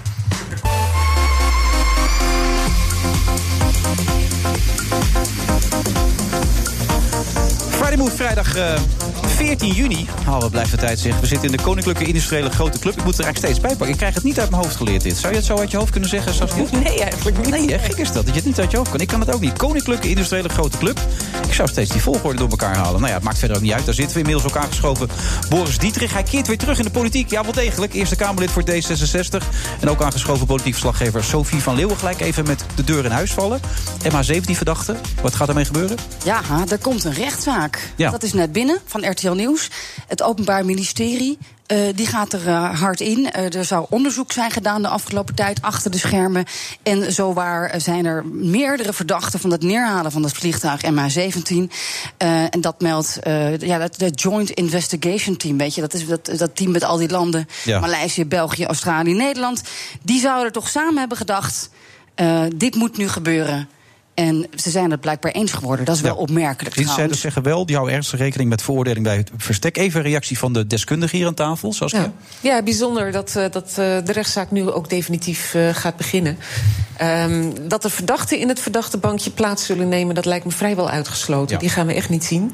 Dus ja, je zou aan de ene kant kunnen zeggen dat wordt een spookproces. Aan de andere kant is het verdomd belangrijk voor die nabestaanden dat een rechter straks een oordeel velt over schuld eh, van bepaalde mensen die verantwoordelijk zijn voor de dood van de geliefde van zoveel mensen. Absoluut. En dat is voor hun verwerking, eh, denk ik, van heel groot belang. Natuurlijk zou iedereen liever verdachten in die verdachte bank hebben zitten, hoor. Maar die kans lijkt mij Maar heel ze zeggen dus, dat wordt een rechtszaak bij verstek, dus die zijn er niet bij. De mensen die beschuldigd worden, dan kun je toch nooit een eerlijke rechtszaak hebben? Die mensen gaan dat zich, gebeurt gaan zich natuurlijk wel verdedigen. ja, kijk, ze kunnen komen. Eh, ze worden gedagvaard, maar Rusland en Nederland hebben geen uitleveringsverdrag. Dus die Russen zullen niet komen. Want je denkt dat zijn sowieso Russen? Ja, nou, dat lees ik in het, eh, lees ik in het persbericht. Een van de leger dus daar ga ik dan even vanuit. Dat is wat Bellingcat zegt. Maar Ja. goed, dat is nog niet bevestigd. Nee, dat want er komt volgende week eh, komt er een persverklaring en dan zullen we het allemaal wel lezen. Maar wat ik het belangrijkste vind is eigenlijk dat de nabestaanden in die rechtszaak het woord kunnen voeren. Ze hebben spreekrecht in Nederland in de rechtszaal. En ik denk dat dat voor het verwerkingsproces erg belangrijk is. Wat er uiteindelijk uitkomt. Stel dat er een veroordeling uitkomt, dat zal misschien nog helemaal geen feitelijke gevolgen krijgen. Maar het feit dat een rechter zegt: deze verdachten zijn schuldig en worden veroordeeld. Ik denk dat dat voor de nabestaanden wel van belang is. Ja, je zit goed in de materie ook, begrijp ik, hè? Toch? Ja, ik heb verleden. ooit zelf het initiatief eh, genomen om spreekrecht voor slachtoffers in de rechtszaal mogelijk te maken. Er was toen vrij veel oppositie tegen. Met name van rechters, want we waren bang dat er te veel emoties in de rechtszaal kwamen. En die zeiden steeds van nou, wij kunnen het wel voor het slachtoffer vertellen hoe erg het was dat eh, dit misdrijf is gepleegd. Maar het werkt redelijk goed eh, in de praktijk. En, ja, toch, Saskia? Jij kan het als geen ander beoordelen. Ja, er zijn heel veel advocaten eh, die verdachten bijstaan die er niet blij mee zijn. Eh, die zijn toch bang dat de emoties van nabestaanden de rechtbank zullen beïnvloeden. Ja. Eh, ik denk dat rechters daar niet zo heel snel door worden beïnvloed. Maar ik vind wel dat die emoties en wat, wat iemand heeft aangericht... ehm, ja, deel uitmaakt van dat hele proces. En wat advocaten daarop tegen hebben... is dat het eh, gaat nog om een verdachte. En dat dat nog niet eh, vastgesteld dader is. En ja, die pleiten ervoor als eh, nabestaanden al aan het woord komen... om dat dan te doen als iemand al schuldig is bevonden. Maar ja, dan luistert er misschien niemand meer. Dus Nee. ja, en aan de andere kant denk ik ook... een verdachte moet ook luisteren naar eh, de verdenkingen... die, de openbaar, of die, die het Openbaar Ministerie eh, voorleest en aan hen voorlegt. En daar worden ze voor vervolgd. Ja, als ze dat aankunnen, waarom dan die emoties van de nabestaanden niet? En de rechters zijn professionals, dus- dus die laten zich waarschijnlijk niet zo door emoties meeslepen. Dus ik denk dat we een goed toch ook altijd evenwicht mensen, hebben bereikt. Toch? Ook stiekem nog een klein beetje. Ook, ook al zijn ze professional. Tuurlijk, en als je een ernstig eh, misdrijf eh, moet behandelen, kan je ook, eh, ik ben zelf rechter geweest, daar kan je natuurlijk ook emotioneel van worden. Maar het is niet zo dat je daardoor je oordeel laat ja, verblinden, als het ware. Toch, je, je moet nog altijd oordelen op basis van bewijs. Hè? Dat bewijs dat moet gewoon hard zijn. Je kunt niet zeggen van, goh, ik zie dat u zoveel verdriet heeft... ik, ik veroordeel deze verdachte. Maar Saskia, daar is toch heel veel oneenigheid over, juist. In Maleisië zijn ze er helemaal niet van overtuigd dat de Russen hierachter zitten. Nee, nou ja, dat gaat de rechtbank nu vaststellen, denk ik, of dat zo is. En ja, als het niet zo is, dan wordt dat ook vastgesteld. En waar moet die rechtszaak gaan plaatsvinden, denk jij? Uh, die gaat plaats hebben op, uh, in de extra beveiligde rechtbank op Schiphol. Die is er al een aantal jaren. Die wordt ook gebruikt voor hele grote zaken... waar extra veel veiligheidsmaatregelen worden getroffen. Die is groot, die heeft meerdere zittingszalen. Uh, en dat zul je nodig hebben, want er zullen veel nabestaanden op afkomen... denk ik, die de zaak willen volgen. Dus er zullen videoverbindingen moeten worden aangelegd... met zittingszalen waar mensen het allemaal kunnen volgen. want ja, de zittingszaal zelf, waar het proces zal plaatsvinden... is wel groot, maar niet zo groot dat iedereen erin kan. Dus ja, je zult die, dat hele gebouw zal zo'n beetje worden gereserveerd, denk en, ik, voor dat en proces. tolken, vertaling, Ja. er zullen diplomaten aanwezig zijn. Dus het, het zal een hele heisa worden. Wordt het een internationale rel, denk jij, Boris? Een internationale rel is het natuurlijk al. Door de houding van Rusland. Want Rusland heeft in de Verenigde Naties van alles tegengehouden. Oorspronkelijk was de bedoeling dat het een internationaal proces zou worden. Maar de Russen hebben dat gevetood. Ehm, dus eh, dat is, ja, de wereld kijkt er al eh, naar, naar. En vijf landen zijn hier direct bij betrokken. Maar anderen willen natuurlijk ook weten hoe dit zit. Dus Maar ik het wordt natuurlijk wel een hele ongemakkelijke situatie, ook voor de Nederlandse politiek. Rutte en Poetin, jij gaat weer terug naar Den Haag. Of het ongemakkelijk wordt als het onder de rechter is, dan is het gewoon, ja, het speelt zich dan af in de rechtszaal. Dan is het eigenlijk vrij makkelijk, want dan zeggen politici: hoor eens even, ik hou even mijn mond, het is aan de rechter. Zo'n proces is echt niet in twee weken afgerond. Dus dat gaat wel een tijd uh, duren. En ik denk dat het wel belangrijk is dat er op een goede manier, op basis van bewijsmateriaal, op basis van feiten, een rechterlijk oordeel komt. En uh, dat is dan, mag je hopen, minder gekleurd dan een politiek oordeel. Ja, tot aan de laatste snikwerker, zegt hij aan MH17. Dat kan ik me ook voorstellen met alles wat er gebeurd is. Hoe is het weer om terug te keren in het Haagse? Leuk. Ja, dat is wat ik wilde. Uh, ik hoorde in een vorige deel van je uitzending... dromen najagen doe je door hardop daarover uh, over te praten. Ja. Daar geloof ik ook heel erg in. Dus op een gegeven moment dacht ik... in een tijd van nou ja, extreme ideeën, populisme... Uh, mensen die als groep worden weggezet... ik wil eigenlijk wel weer terug naar Nederland... om me daarmee te gaan uh, En dat kan in de Eerste Kamer ook? En dat kan ook wel in ook de wel. Eerste Kamer. Ja, laten we niet overdrijven, zeg je. We moeten niet overdrijven. Het is nee. een part-time functie. De, het primaat ligt natuurlijk bij de regering en de Tweede Kamer. Maar je kan in het publieke debat wel degelijk uh, een rol spelen. Ja. En dat wil ik ook wel. Daar was je ontstemd ook dat je eerst als zeven op de lijst stond, toch? Ik was uh, door een van de commissie op eh, plek 7 gezet. En die zeiden, oh, dat is een verkiesbare plaats. Ja. Ik dacht van niet. Dus ik heb intern campagne gevoerd binnen D66. Ja. Je was not amused, zoals het mooi heet. Maar de leden hebben me toen op vijf gezet. Ja. Dus daar was ik very amused over. En uiteindelijk kreeg ik toch zeven zetels. Dus die hele campagne was eigenlijk achteraf gezien niet nodig. Als je het politiek klimaat nu vergelijkt met toen jij erin zat, zeg maar... Hoe lang is het alweer geleden? Hoeveel jaar? Twaalf jaar geleden Twaalf jaar ben ik toen naar uh, New York Hoe groot is dat verschil? Ik denk dat het veel harder is geworden, veel sneller.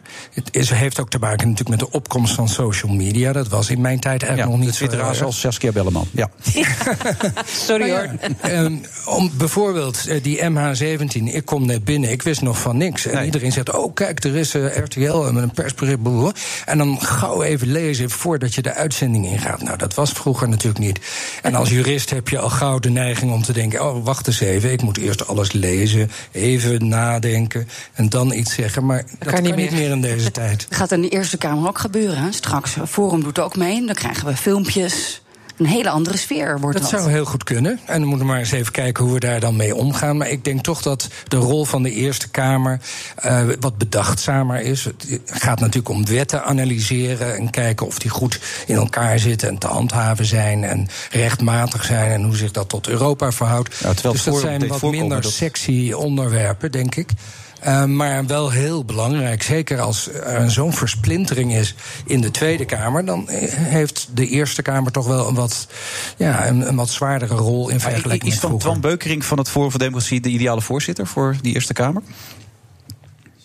Nee. Ja. Er viel een stilte. Er viel hier een stilte. ja. Nou, uh, wat mij betreft niet. Ik heb dat interview met hem gelezen in de Telegraaf. Twee dingen heeft hij daarin gezegd die heel veel ophef uh, veroorzaakten. Overigens heeft hij daar wel zijn excuses voor aangeboden. Ja, en dat siert hem. Nou, in het interview zelf goed. niet. Hè. Hij nam het in het interview zelf niet terug. Nee. Terwijl hij door de Telegraafverslaggevers erop gewe ge gewezen werd dat wat hij zei, dat het wel heel pijnlijk was. Ja. Maar zelfs toen wilde hij er niet afstand Dat is waar. Na, nadien heeft hij dat wel volk... gedaan. En dat is toch al, vind ik ook wel weer wat. Alleen uh, wat hij gezegd heeft, ja, dat klopt van geen kant. Het Joodse volk dat zich als makkelammetjes niet Door afvoeren. de gaskamers laat ja. jagen, liet jagen. Nou, dat, dat is natuurlijk historisch al volkomen onjuist. Denk wel dat hij het goed bedoelde, maar het kwam er natuurlijk helemaal verkeerd uit. Wat kan je daar goed aan bedoelen eigenlijk? nou, ik denk dat hij, want hij vertelt, ik ben in het leger gegaan omdat ik eh, eh, zo geschrokken was door wat er in de Tweede Wereldoorlog was gebeurd. Ik bewonder het Joods volk, dat zegt hij allemaal, maar dan komt hij met deze frase. Ja, en dat is natuurlijk vreselijk. Eh, en het andere, dat ging over die MH17 en dat vond ik ook heel erg kwalijk, want er zijn toch ook contacten tussen Rusland en Nederland om te kijken hoe kunnen we dit laten landen. En als je dan als aspirant voorzitter van de Senaat gaat zeggen dat er een of andere gek uit Oekraïne het vliegtuig naar beneden kan hebben gehaald. En wat eh, dat hele onderzoeksteam ook heeft eh, besloten en heeft eh, gevonden dat, dat, dat je dat zomaar aan de kant kan zetten. Ja, ik denk dat je daarmee de onderhandelingspositie van Nederland ondergraaft. Dus dat vond ik slecht. Dus daarom zal hij mijn stem niet krijgen. Nee. Maar het Forum heeft wel een belangrijke stem gekregen met veel zetels. Ja, ze hebben twaalf zetels en dat is ook heel knap. Want ze zijn Maar, wil je nieuws wel in zo'n klimaat werken dan? Dat zet ik me nog even af te vragen nu weer dit- terugkeert. Dit, is nou de democratie, hè? Dus ik ben juist teruggekomen omdat ik ook dit soort debatten wil gaan voeren. Ook met mensen van Forum. Die overigens helemaal niet alleen maar slechte ideeën hebben of Nee. zo. Dus ik vind het interessant om met ze te werken en, en met ze in debat te gaan. En te kijken waar we uitkomen. En D66 kan ook nog wel een duwtje gebruiken, toch? Met een prominent die weet waar hij het over heeft. Jij zegt het. Ja? Maar voel je het zelf ook zo? Nou, ik wou graag eh, betrokken blijven en betrokken zijn weer. En dat Je ben bent weer de politicus, hartstikke En nu goed. Je weet weer, wat je eh, moet zeggen. Ja, zo hoort het weer, hè? Maar het kriebelt wel, heb ik de indruk. Het kriebelt wel. Ik heb er echt zin in. Het Ja. is mooi werk. En uh, die En Eerste D66 Kamer is kan het gebruiken, belangrijk. wat ik al zeg. En eh, steun is altijd welkom. Ja, hij doet het goed alweer, hè, Saskia? helemaal een politicus, Heeft het budget meteen weer opgepakt, zeg. Hey, Twaalf jaar eruit en boem, daar is hij weer. Nou, veel plezier en veel succes op horen. Dankjewel. Goed dat je hier even was. Jij ook, Sofie, trouwens. Thanks. En eh, we gaan zo meteen weer verder met eh, Sonny Mot- Motke. Die heeft een boek geschreven over de man die ooit groot was, Camille Eurlings. BNR Nieuwsradio. The Friday Move. No, if we don't have a deal, if we don't make a deal. Dit was een heel bijzondere situatie. Eh, omdat het een heel beladen onderwerp is. Het is ook een heel gevoelig onderwerp. Het is duidelijk dat, eh, dat we daar ook eh, eh, aan de bak moeten. Wilfred Genee. Een zondagskind, kroonprins van het CDA, de gedroomde presidentskandidaat. Maar het liep anders af met de Camille Eurlings. Die hoort zo erom.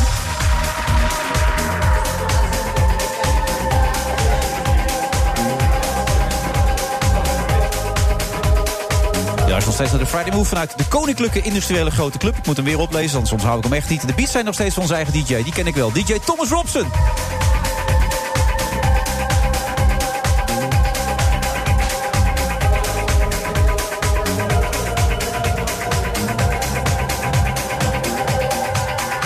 Nog steeds eh, rechtbankjournalist. Is rechtbankjournalist, moet ik het zo zeggen eigenlijk? Mag allebei hoor. Ik, ik ben zowel journalist als verslaggever. Dus, ja, eh, voor de Telegraaf. Maar waarom de Telegraaf? Zou het ook van de andere kant kunnen? Of is de Telegraaf jouw ding? Ik denk dat, eh, dat nou eigenlijk kan het alleen bij de Telegraaf. Van de meeste, met name landelijke kranten, hebben hun rechtbankverslaggevers wegbezuinigd. Oh jee. Dus daar zou ik dan ook wegbezuinigd zijn, denk ik. Je voelt je En, lekker daar ook? Ik voel me daar prima. Ze Ja. laten me vrij. Ik mag mijn eigen keuzes maken. Ik kan nieuwe dingen uitproberen. podcasts, Twitter, van alles en nog wat. Dus ja, is hartstikke leuk. Ja, die, maar die ook ondertussen framen die wel andere journalisten, zoals Bas van Hout. Dat is natuurlijk wel lastig. Die heeft zichzelf geframed, vind je niet? Ja, vind je? Ja. Nou ja, die heeft een grove misstap begaan, vind ik... door, eh, door zich door de AIVD te laten inlijven. En ja, in feite wat hij doet... eh, is daarmee misdaadverslaggevers ook in gevaar brengen... omdat hun contacten zullen denken... praat jij soms ook met de AIVD? En ik vind dat dat erg ondergesneeuwd is gebleven. Hij mocht zeven pagina's lang in de Volkskrant huilen... over hoe onheus hij bejegend was door de AIVD. En ja, dat hebben ze ook gedaan. Ja. Eh, maar hij had er natuurlijk nooit aan moeten beginnen. Heeft de hele beroepsgroep eigenlijk uh, vol In gevaar gezet. gebracht. Ja, ja. Maar dat ja. hij de Telegraaf ook nog aan de schandpaal nagerde... dat jullie Ja, een beetje... Ja, vind ik echt schandalig. Ja, ja dat gaat gewoon om uh, integere journalisten. Bart Mos en Joost de Haas, die hebben nog nooit zo'n faux pas gemaakt als, als deze man. En dat, dat hij het dan waagt om kritiek te hebben op hen. Terwijl hij toch degene is die hier vreselijk buiten de pot heeft gepist. Ja, dat vind ik toch wel schandalig. Duidelijke taal. Camille Eurlings, waar komt er dan bij je op? Wat dat komt er bij mij op. Ja, wij hebben verwoede pogingen gedaan om hem te spreken te krijgen. Vanaf het moment natuurlijk dat hij in opspraak raakte. En er Ja. van alles gebeurde in dat leven. Ja, precies. Die, die mishandeling. Het Ja. feit dat daar een schikking werd getroffen. eh, ja, daar, daar was een boel ruis omheen. En wij vroegen ons natuurlijk allemaal af van waarom komt eh, Jan met de pet wel voor bij de rechter. En Camille Eurlings niet. En wat zit daar dan achter? En Ja. hoe komt dat nou? Dus ik hoop dat eigenlijk allemaal uit het boek te kunnen Misschien dat Sonny Motke dat inderdaad uit kan leggen, FD-journalist. Opkomst en ondergang van een zondagskind. Camille, hoe kan dat allemaal, Sonny, denk jij? Wat er nu gesteld werd? Hoe kan dat nou allemaal? Ja, het, het probleem met eh, dat hele verhaal van die eh, mishandeling, hè, wat daar nou precies is gebeurd. eh, het grote probleem is dat er maar twee mensen zijn die dat verhaal eh, kennen. Ja, Camille de man Eurlings en de vrouw. vriendin. Ja. Ja, ja. En eh, ik weet eh, van alle mensen die ik heb gesproken, eh, de OVJ en het onderzoeksteam, die hebben heel lang verwoede pogingen gedaan om meer bronnen te vinden. Mensen die meer eh, konden vertellen daarover. Die hebben ze niet gevonden. Ehm, zij moeten het vooral doen met de verklaringen van beide kanten. Eh, en foto's inderdaad, die dan zijn ingebracht in het dossier. Maar er is geen reconstructie te maken van dat moment zelf. De, wat ik, alle mensen die ik heb gesproken hebben het allemaal via via. Dus als ik het zou zelf zou bekijken van bovenaf, vanaf zo'n eh, onafhankelijke macht die dat dan moet oordelen, is dat verrekte moeilijk om te zeggen wat is er nou precies gebeurd. Eurlings zal zeggen, ja, ik heb iets gedaan. Maar het is maar heel licht. De- eh, niks ernstigs, maar al die zware verwondingen. Hè, we kennen ze allemaal. Het rijtje, de elleboog, de oorlel, de, de oogkas. Dat ontkent hij natuurlijk. eh, maar dat zegt het andere kamp weer. Ja, eh, dan is dat het zou, voor. Dan dat is het voor ze zichzelf hebben toegebracht. Ja, ik denk nog steeds. Kijk, zo'n zaak, een, een rechtszaak gaat over waarheidsvinding. Dus je hoeft niet van tevoren die waarheid al te kennen. Die moet je proberen te ontdekken. Ja. En dat kun je doen in een, eh, in een rechtbank. En dat is, eh, daar is deze zaak nooit terecht. Nou ja, kijk, zij hebben gewoon heel lang ongezocht. En toen hebben ze gedacht, nou ja, eh, wij weten het niet. We doen een schikkingsvoorstel. Eurlings heeft dat geaccepteerd. Zou ik ook doen, hè? Dan ben je er snel Ja, vanaf. dan ben je er vanaf. Maar wa- waarom heeft eh, de mevrouw in kwestie daar dan bijvoorbeeld geen beroep tegen aangetekend? Dan had het volgens mij gewoon voor moeten komen. Maar dat, dat werd dan maar, ja... de- eigenlijk is het toen al eh, om, ja, opgegaan in een rook. Iedereen wilde verder met zijn leven. Die mevrouw ook. Die, eh, vervolgens had ze een man en een kind. En die wil het ook maar achter zich laten. Ja, dus heel veel heisa kan geweest. voorstellen, hoor, Niks. maar- Zij heeft wat je- 0 euro gekregen ook, hè? Wat je wel een beetje, beetje hebt in dit soort situaties natuurlijk... is dat bij mensen het gevoel ontstaat van... oh ja, zo'n hè, zo'n hoge belangrijk klasse iemand die- justitie, Ja. Precies. Ja. Wij moeten voorkomen, ehm, zij niet. Ehm, ja, het- is een beetje ook het gevoel wat je krijgt... als je hoort dat er schikkingen zijn getroffen met grote banken... die, eh, die eh, miljoenen, miljarden hebben witgewassen... terwijl eh, iemand die eh, zijn belastingformulier verkeerd invult... wel eh, Ja. voor de rechter moet Maar ik verschijnen. geloof Dus ja, niet. Ik, ik maak Camille Eurlings. Kijk, dat is het punt met Camille Eurlings. Camille Eurlings is heel groot. Hij was heel groot. De tovenaar, de magier, de larger than life, groot netwerk. Daarom denken wij dat. Ja, die heeft dat allemaal geritseld. Dat moet geregeld zijn. En dat boek maakt hem eigenlijk iets menselijker, eigenlijk veel kleiner. Ja. Die man is een hele onzekere, eh, soms ook bozige man. die eh, van jongs af aan nog gevangen zit in een gouden kooi. Eh, er zijn heel veel mensen die hebben voor hem bepaald wat hij moest doen. Hij heeft meerdere relaties gehad die ook verbroken zijn. vanwege ja, dat hij het niet kan bolwerken. En daar hangt hij heel erg aan vast. Maar help me even. Bij zijn ouders kan ik me nog voorstellen. Maar wat bedoel je met die relaties dan? Wat, wat, Nou ja, wat kan hij niet bolwerken? Hij dan? kan, hij kan die balans niet vinden tussen zijn werk en zijn eh, privé. Iedere keer. eh, er zijn als veel mensen die er last van hebben. Ja, ja. maar hij heeft dat een extreme. Deze man kon zich ver- verdwijnen in, in werk. Eh. Die had geen overzicht over zijn agenda. Ik heb ook mensen gesproken die met hem gewerkt hebben. in de ministertijd bij KLM. als Kamerlid. Ze zeggen allemaal hetzelfde. Deze man. Die had geen overzicht op zijn agenda. Die was gewoon kwijt. Eh, die werd boos. eh, en die wilde alleen maar leuke dingen doen. Dus Leuke dan- dingen doen? Ja, leuke dingen doen. Dus dan Wilde hij niet hard werken? Nee, dat was hij, nou, hij werkte wel hard, maar hij vond het leuker om bijvoorbeeld eh, de karaoke te gaan. het karaoke daar kan ik me dan net iets bij voorstellen. Nee, dat is dan net weer zo'n puntje wat ik leuk vind. Maar wat maar- hij vooral kon was het intermenselijk contact. Dus de, de deur ging open, hij had dan een toespraak. Dat Ja. kon hij heel goed, dat vond hij echt heel leuk. En vooral met mensen los de contact maken en mensen in elkaar een verbinding maken. Maar dossiers lezen, diep in de nacht vergaderen, dat was niet echt heel erg aan Wat voor een besteed. belangrijk politicus over het algemeen toch wel redelijk toch wel, maar is, dat, toch? was, dat, had, dat is een manco. Dat zeggen heel veel CDA's. Dat, hij kon niet zo goed lezen, eh, stukken lezen. Ik kan waarschijnlijk wel lezen. Ja. Maar, eh, en hij was eh notoire eh, niet iemand die eh, hield van vroeg opstaan. Dus ook in de ochtend was hij niet zo heel eh, makkelijk. Hoe kom je dan zo ver? De gave om op het juiste moment op het podium te gaan staan en je verhaal te vertellen. Die CDA'ers, maar ook VVD'ers, PvdA'ers, zijn stik en stik jaloers. Omdat hij iedere keer op het juiste moment een tv-camera wist te pakken. of een radiomoment en nieuws wist te maken. Ja. En dan, ja, dan gingen de handen weer op elkaar. En alle, eh, het belangrijkste is, je moet een eh, achterban hebben die op je stemt. Ja. Hij had de meeste stemmen van iedereen van het CDA. Eh, en er is geen Limburgse CDA op dit moment die dat nog kan bereiken. Dus door dat, die amabele, die gunfactor, kan hij zo hoog komen. En dan verbloemde hij eigenlijk inderdaad dat daarachter toch wel heel veel scheef zat. Maar dat zagen wij niet. Wij zagen dat pas toen bij KLM, hè, toen die echt voor een plein publiek eh, neerviel. Ja. Want bij KLM zagen ze het ook gebeuren. Alleen daar stemmen mensen niet op je. Daar word je afgerekend door commissarissen. En die zeiden, ja, maar wat is Wat hebben we nou in huis gehaald? Maar heeft hij wel altijd die ambitie gehad dan om wel eh, hoog te komen in de politiek, om, is- om die carrière te maken? Of ontbrak het hem aan zelfkennis? De cruciale vraag, inderdaad. Ik heb dat in heel veel mensen gevraagd. Ook die vrienden van hem die hem als tiener al kenden. Die zei. Hij wilde eh, eigenlijk vooral eh, ja, die, eh, een, een gel- een gelukkig gezinsleven toch wel hebben. Het is echt waar. Alleen hij voelde zich iedere keer verantwoordelijk eh, voor eerst zijn ouders. Dat zijn mensen die in, in Valkenburg een soort onderkoningsstatus hebben. eh, het CDA, Martin Eurlings. Daarna eh, de lokale politiek en de regionale politiek. Omdat hij zo goed was. Hij wilde beantwoorden aan die vraag. Hij wilde gezien worden, hij wilde erkenning. Terwijl eigenlijk diep van binnen zei hij steeds vaker van... ja, maar hij heeft het tegen vrienden en ook bevriende politici gezegd van... ik mis eigenlijk wat tijd voor mezelf. En, ja, hij hij heeft toch op een gegeven moment ook besloten hij om koos. te stoppen. Ja, voor die Hongaarse dame Ja, exact. Ja, Ja, maar, maar, dan moet je meteen... Geloofde jij het? Heel veel mensen geloofden het niet. Nee. Er zijn CDA's tot de dag van vandaag... die mij ook in de boek hebben te woord staan zeggen... het is niet waar, het is een leugen, het is een grote leugen. Die man is een lafaard. Eh, want hij, had, hij, hij wist dat hij niet ging winnen. Want ja, het CDA implodeerde daarna. eh, Ja. eh, slechtste Hij zag verkiezings- de nederlaag aankomen. Hij zag de nederlaag aankomen, vaandelvlucht.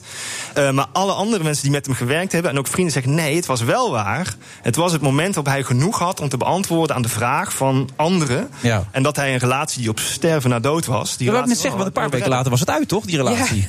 dat hielp niet. Nee, nee, en dat is de tragiek van het- dat project. Dat is de cruciale moment in zijn leven. Iedereen heeft er wel een paar. Dat is de tragiek van eh Camille Eurlings. Het mooiste, het beste bes- besluit dat hij ooit heeft genomen uit zichzelf. Is ook een besluit waardoor hij na totaal eh, de vernieling in is gegaan. Hij was te laat. En daarna kon hij het ook niet meer los van komen, van dat verdriet, begrijp ik uit het boek. alle KLM'ers die ik ook sprak, eh, die zeiden... hij had het altijd alleen maar over die Hongaarse mevrouw. En die hebben we nooit gezien. Heb je hem zelf ook gesproken? Eh, voor eh, Quote in het verleden. eh, vlak voordat hij ontslagen werd ook nog. Daar was hij ook niet zo blij mee. Hij is maar nu dat kan ik onvindbaar, begrijp ik. Hij is nu onvindbaar. Hij, af en toe in Valkenburg. Eh, volgens de kadastrale gegevens woont hij op Malta. Tot in, in een appartementencomplex dat Mees heet, Doolhof. Het is, het is bizar voor woorden. Als dat waar is, want het, het is gecheckt, het staat er. Het, het kadaster zegt klopt, het staat hier. Dan heeft hij dat waarschijnlijk om fiscale redenen gedaan. Mm. Dus hij heeft ook zoiets van, nou de fiscus, ik ben hier een beetje klaar mee hier in Nederland. eh. Je zei trouwens, die Hongaars hebben we nooit gezien. Je hebt toch wel foto's van een die Hongaars gezien? Dat Nee, die toch KLM, maar nee, in levende niet? lijven. Oh, die die hebben nooit gezien, maar toen was het eigenlijk al voorbij, toch? Ja, al maar heel snel. dat, dat is nooit duidelijk geworden. Het was pas een jaar later op de voorpagina van de Telegraaf stond. Het is uit. Maar het was al een jaar eerder uit. Hij heeft dat heel lang op een of andere manier verborgen weten te houden. Terwijl. dat is echt bizar. Want dat is zijn leven. Hij wilde niet over zijn eigen sores praten. En nu doe ik dat toch een beetje, omdat dat de uitleg is waarom hij Je had hem graag zelf gesproken, heeft. maar dat kon natuurlijk dus niet, begrijp ik. Je had hem ook graag zelf gesproken. Zeker, toch? heerlijk. Ik had, ik, de cruciale vraag die ik me zou stellen... wat wilde jij nou echt toen jij als twintiger op een podium werd gezet? Hij moet Ja. bijvoorbeeld de Tour de France eh, verte- eh, vertegenwoordiger spelen voor de gemeente. Wat wilde jij nou? Wilde jij nou dat doen, wat je ouders ook wilden? Of eh, heb je gewoon afslag genomen wat anderen wilden? Ik heb heel erg het idee dat het laatste is. Maar, Ja, maar dat beeld komt hier heel duidelijk naar voren met de mensen die je hebt gesproken Ja, ook. heel erg, Een diep ja. ongelukkig mens, als ik het zo hoor eigenlijk. Uiteindelijk wel. Hij werd steeds eenzamer naarmate de tijd vorderde. En zeker toen hij bij KLM was. De mensen die toen... Hij ging wel uit in Amsterdam. eh, karaoke vond hij nog wel leuk. Maar hij, zei, hij werd steeds schichtiger, eenzamer. eh lonely at the top. Hij had niemand thuis. Dan had hij wel een vriendin. Maar dat was eigenlijk maar aan, uit, aan, uit relatie. En die was dan weer weg. Dat was eh, Wendy Dubbelt was dat dan weer. Ja. Maar was dat ook niet een beetje schijn? Om een andere wereld te... Dat is ook weer een heel hardnekkig verhaal. Het was, ja, nou ja, dat verhaal ook. Hè. Ja, ik heb heel veel mensen gevraagd. eh, Valt hij nou op mannen of niet? Iedereen zegt uh, in tegendeel. Hij had hij had eerder een hele reeks aan vrouwen. Hij wordt zelfs eh, hardnekkig beschuldigd van vreemdgaan eh, eh, ten- in zijn ministertijd. Dat is een hardnekkig gerucht. Eh, en hij had Wendy Waarna die Hongaarse vriendin ook vertrokken is. Daar zou je een verband kunnen maken. Maar die causaliteit kan ik niet direct hard maken. Maar ze liggen vlak bij elkaar, die verhalen. En Wendy dubbelt, eh, dat is wel waar. Daar heeft hij wel een soort van relatie gehad. Maar ook Wendy dubbelt had weer op een gegeven moment weer een ander Die dubbelde ook. Ja. Ja. Het is ongelooflijk allemaal zeg. Ja, maar het is zo, het is zo plat, maar het is zo simpel. Zo menselijk Ja. dat je het niet ziet. Maar als je het ziet, heb je het door. Heb je- oh ja, het is heel raar. Het is een topboek geworden. Is dat Cruyffiaans ja. uitspraak, ja. Goed man, dit allemaal. Ja. Nou ja, het is triest om te horen voor de meneer in kwestie. ik hoop een comeback. Ik hoop nog steeds dat hij dit hoort en dat hij het leest, dat hij het herkent. En dat hij op een of andere manier eh, ook terugkeert eh, ergens in de politiek. op een kwaliteit heeft hij wel. Ja, hij is hij, fotografisch geheugen, hij is slim, hij kan mensen bij elkaar brengen. En hij kan als geen ander een toespraak houden. De opkomst en de ondergang van een zondagskind. Sonny Motke. Ik zie jou zondag weer trouwens. Ja, leuk. Tot dan. Oké, groetjes. Hoi.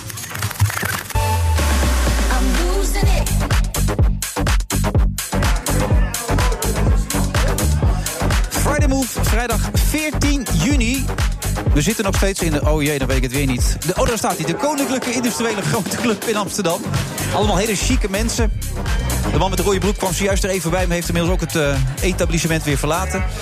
Man, eh, niet met de rode broek. Nee, toch? Bernard? Volgens mij is die naar de haringparty. Die schijnt hier ook ergens Die te komt zijn. zo meteen om 6 uur komt hij binnen, de haring. Bernard Hamburg, goed dat je er bent. Fijn, fijn om er te zijn, zoals Vind, altijd. vind jij jezelf goed in je werk? Ja hoor, ja. ja. Ik, ik heb geen minderwaardigheidscomplex, maar we hebben het vaak over dat thema. En ook geen, niet het tegenovergestelde. Nee hè? Nee, helemaal niet. Lekker. Ik zeg altijd, ik ben gewoon een verslaggever... en ik probeer mijn werk zo goed mogelijk te doen. Dat doe je. Dat, dat zeg ik bij deze gewoon, dat doe je. Dankjewel. Ik vind je goed. Maar dat zeg ik bijna elke week tegen hem. hè. Dat is een beetje ons vaste praatje dit. en dan begin je weer over dat ik eh, al 98 ben en over mijn stem. Dus hoeft allemaal niet deze nee. week. Nou, dan slaan we het allemaal een keertje over. Ja. Nog wat leuks gedaan de afgelopen week? Naar de Ja. kermis geweest of eh schiettent? Of... ik weet het niet. Nee, nee, nee, nee, nee. Drukke week gehad met, met BNR De Wereld. Dat is altijd een hele klus. En gewoon heel veel verhalen gemaakt. Het is gewoon echt, echt even druk. Het is een enorme drukke tijd. Nou, je kent mijn, mijn levensmotto. Hè. Als de wereldvrede uitbreekt, ben ik brodeloos. Maar Ja. er, zijn nog geen tekenen. Hoe meer ellende, hoe beter voor Bernard Hammelburg. Even het nieuws van MH17, toch nu? Ja, ja dat- we hebben daar straks met Boris en met eh, Sophie... voordat ze aan tafel kwamen zitten, ook al enorm over zitten babbelen. Wat voor mij een beetje de crux in dit verhaal is... is het woord joint. Ja. Joint Investigation Team. Er zijn een paar dingen die mij dan opvallen. In de tijd toen, wat was het, een jaar geleden, anderhalf jaar, weet ik niet meer precies... op een bepaald moment Nederland naar buiten kwam met het verhaal in feite van Bellingcat. We weten nu precies wie het zijn en wie die boekraketten over de grens hebben gebracht... en noem het allemaal maar eens op. Toen ehm, zeiden België en eh, Maleisië... Ja.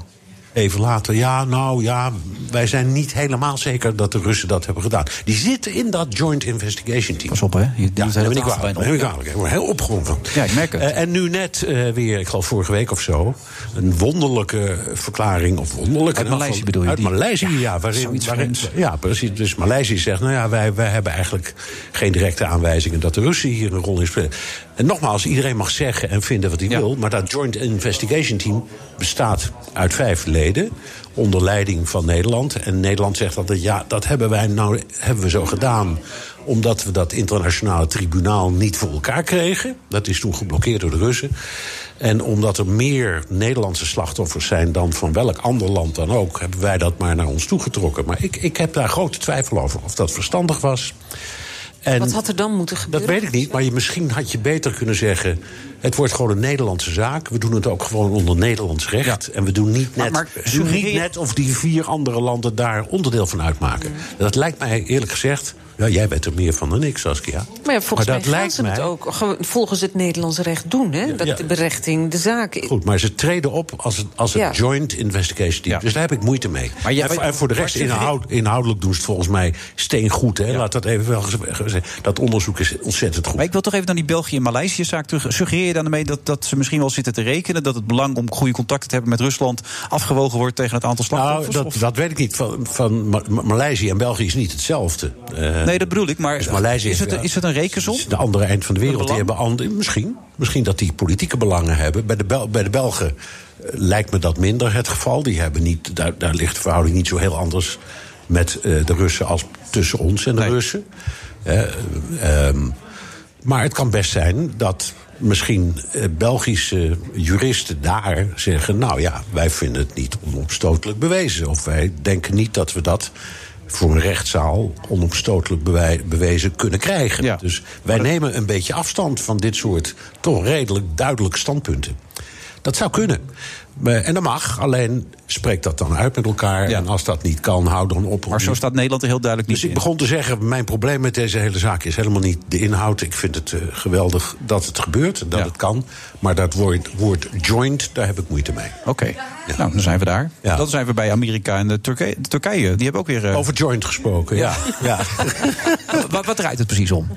Nou, die zit, Amerika is het grootste NAVO-land en Turkije het op één na grootste NAVO-land. Dus als, als die twee überhaupt ruzie ergens over elkaar krijgen, dan is dat ernstig, ook voor ons. Want wij zijn ook NAVO-leden en wij, wij vertrouwen op die oost- en westflank voor onze eigen bescherming.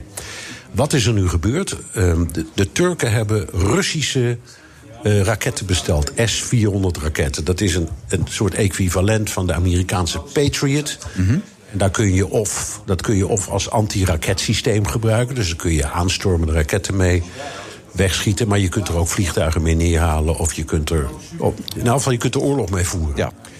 Ehm, en eh, daar is Amerika heel boos om geworden. Dat, ja, Lijkt me wel logisch, ja. Waarom ga je nou zo'n belangrijk wapensysteem kopen bij de vijand, zou ik maar zeggen? En eh, de Russen, of de, de, de Turken zeggen ja, om een paar redenen. In de eerste plaats omdat die dingen beter en goedkoper zijn. En in de tweede plaats omdat we hebben ze aan jullie gevraagd, die Patriots, destijds. Maar jullie wi- wilden ze niet aan ons verkopen. Oké. En dat klopt ook wel een beetje, want eh, een aantal jaar geleden, toen die Syrische burgeroorlog echt begon. Eh, toen heeft Turkije op dat moment aan Nederland gevraagd of wij ze Patriots konden uitlenen. Is ook gebeurd. We hebben Een hele tijd Nederlandse Patriots in eh, het oosten van Turkije gestaan. Terwijl ik niet de indruk had dat onze wapensvoorraad zo geweldig was. Maar dat kon dus wel. Nee, maar, dit- nee, maar we hebben wel Patriots. En die kan je dus binnen, zeker binnen doen het ook aan nog. een na, ja, die kun je dus aan een NAVO-partner ook rustig uitlenen. Waarom niet? Als daar eh, een verzoek toe is. Dus dat is destijds ook gebeurd. Dus die, de Turken hebben wel een, misschien wel een verhaal, hè, kun, je, kun je zeggen. Niettemin. Het Maar is waarom, waarom het- mochten ze ze toen niet zelf krijgen dan? ja, dat weet ik niet. Maar de Amerikanen, ja, die, hebben, die- die, die wantrouwen de Turken. Maar er speelt hier tegelijkertijd iets anders. En dat spelen de Turken nu in het schaakspel geweldig uit.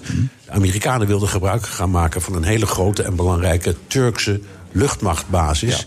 In de aanloop naar hun inspanning in Syrië. Want daar zijn ze op een bepaald moment gaan bombarderen en in gaan grijpen. Dat het gebeurde voor een groot deel vanuit Turkije nog steeds. Dat heet geloof ik Isirlik uit mijn hoofd. Ergens in het oosten van Turkije. Geloof je al meteen? Gigantische basis. En de Turken zeggen nu, achter de schermen, dat hoorde ik net. Achter de Eh, schermen hoor je dat. Achter, ja, nou ja, dan kun je. Ja, ja. dus ik heb wel aardige bronnen in, in dit soort verhalen. Dan hoor je dat ze zeggen: Oh, willen jullie het zo spelen? Dan flikkeren we jullie gewoon van die basis af. Dus dan is, Amerika het belangrijkste NAVO-lid. Bij het op één na belangrijkste die komen er NAVO-lid. niet meer Komt er niet meer in. Nee, Moet je je voorstellen als dat gebeurt. Dus het is, eh, het is een, een, een verplaswedstrijd. Maar het is, het is niet ongevaarlijk. En het is ook buitengewoon onaangenaam dat het gebeurt. Maar ze willen gewoon dat, dat, dat ze het nu toestaan. Dat die Russische raketten gekocht zijn. dat ze ophouden met en, zeuren. en, en, wat, en wat zegt Amerika nou? Wij leveren jullie F-35, wat wij de JSF noemen. Daar bouwen de Turken ook aan mee, net als Nederland. Die krijg je nou niet. Ook niet, oh. En eh, er zijn al eh, bemanningen aan het trainen in Amerika. Die training is stopgezet van die Turken. Maar, maar de Turken leveren ook weer onderdelen voor die JSF. Ja, ja, dus, dus die Turken kunnen we zeggen... nou, als je die onderdelen niet hebt, heb je ook geen vliegtuigen. Nee, dus heeft niemand straks een nee, vliegtuig. Dus, eh, nee, dus het is echt een heel ingewikkeld schaakspel. Maar de Amerikanen zeggen... we kunnen ook zonder die Turken... dan laten we die onderdelen wel ergens anders maken. Wij komen er wel Nou ja, uit. dat heb je met Boeing gezien. Dat kan helemaal verkeerd aflopen. Nee, maar het moet wel Ja, kloppen ja. allemaal natuurlijk. Dus. Ja, nou, gevechtsvliegtuig zit wat anders. Nee, maar toch, ik bedoel, eh, ik zou het risico niet nemen als je dat spul al besteld hebt. Je denkt dat het het juiste spul is. Maar hoe gaat dit eindigen? Ehm, ik denk dat de Russen die dingen gewoon kopen. De Turken kopen gewoon de, die dingen bij Turken, ja. de Turken kopen gewoon die dingen. De, de leverantie is, geloof ik, begint gewoon volgende week. Dus dan weten we het. En dan gaat eh, Trump nog een paar keer twitteren over die Turken en is het weer afgelopen. En dan is het weer. Ja, dan zijn we weer klaar. Ja, nou, ja. ik weet niet. Want nogmaals, wij zitten ook in de NAVO. Ja, maar ja, dan moeten we die Patriots weer uit gaan lenen, denk ik, of zo. Ik weet het anders ook niet. Tijd voor de haring, eh, Bernard. Ik zie hem hier voorbij komen. Heb je Ja. zin in een nieuwe haring? Ja, Ja? wat heet. Maar dan komt hij aan. Speciaal voor Bernard Handenburg. Wat heet zeg. Kijk eens aan. Hey, wauw. Ja, lekker hè? Nou, dan gaan we even naar de reclame. Zijn we zo weer terug. BNR Nieuwsradio. The Friday Move. No, if we don't have a deal, if we don't make a deal. Het was een heel bijzondere situatie. Eh, omdat het een heel beladen onderwerp is. Het is ook een heel gevoelig onderwerp. Het is duidelijk dat, eh, dat we daar ook eh, eh, aan de bak moeten. Wilfred Genee. 21 dagen niet klagen. Is dat een makkie? Ga het maar eens een keer proberen. Hij deed het. Kevin Weijers.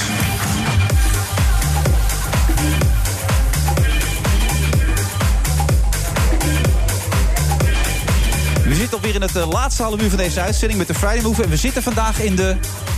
Grote Koninklijke Industriële Club? Nee. Was de volgorde? Nee, dat is fout, hè? Koninklijke Industriële Grote Ja, Club. Het is lastig, hè? Het is lastig.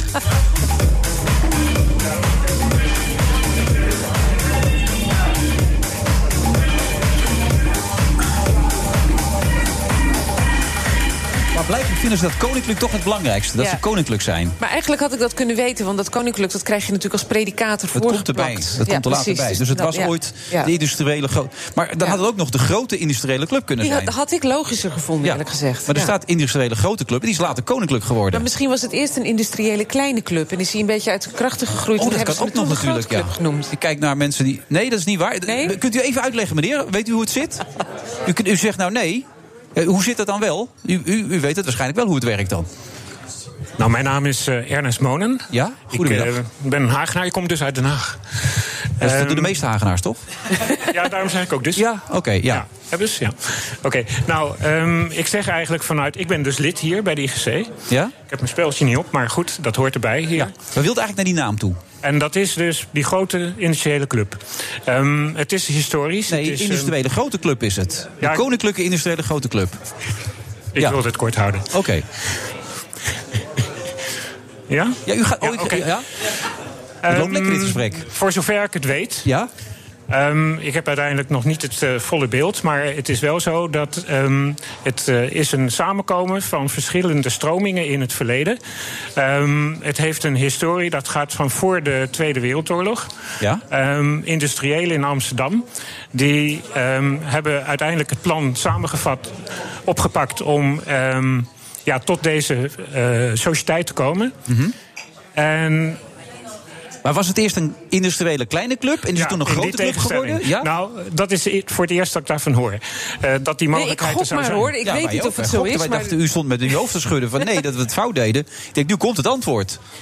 Dat het niet zo is. Maar dat weet u Ehm, ook niet het is nooit eh, sprake van geweest dat het een kleine club Het is altijd een grote club geweest? Altijd. Oké. Ja, maar dat het niet een grote industriële club is geweest, dat is... Dat is onzin. Het is dus geen, nooit een kleine club geweest. Dat is onzin. Ja. Maar het is zo, er is nog ruimte genoeg voor leden. Dus Oh, eh, u in die zin kunnen wij, kunnen wij gro- groter en groter worden. Dan wordt het Ja. een grotere industriële Ja, club. Dat is het de allergrootste. Nee, dat is de koninklijke industriële allergrootste club van Nederland, wordt het dan. Ja, ja. ja. Zullen we het Oh, dat is een mooie creatieve eh, gedachte. Ja, ja, daar ben ik van, van een creatieve gedachte.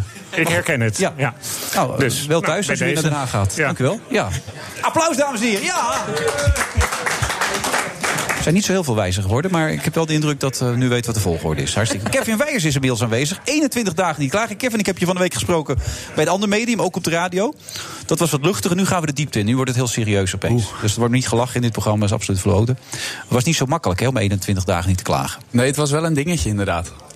Ja, 21 dagen niet klagen, niet schelden en niet roddelen is het zelfs. Ook ja. nog. En dat is Ehm, van, van vrouwen was dat heel lastig, bleek uit onderzoek. Ja, ik geef wel eens een lezing voor, eh, voor groepen. En dan, als ik zeg schelden, dan kijken de mannen altijd een beetje moeilijk. En bij, bij roddelen de vrouwen.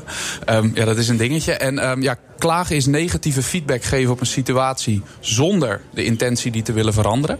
Dus het gaat een beetje om, om die tweede zin, hè, de intentie om het te willen veranderen. Dus als je de intentie hebt om iets te willen veranderen, mag het wel. Ja, want ik denk dat we daar meer mensen voor nodig hebben. Die dingen signaleren of kritisch zijn en denken van... hé, hey, waarom is dat zo? Dus als je dan gewoon de zin erachteraan plakt... ehm, ik, ik vind iets ontzettend balen, eh, maar laten we dit of dat eraan veranderen... dan mag het. Dan is het geen klagen. Dan ben je in ieder geval jezelf is nooit eigenlijk, als je wat meer aan het trainen om te kijken naar een oplossing. Ehm, en ik denk dat als je dat nagaat bij iemand anders, dat is vaak wel fijn.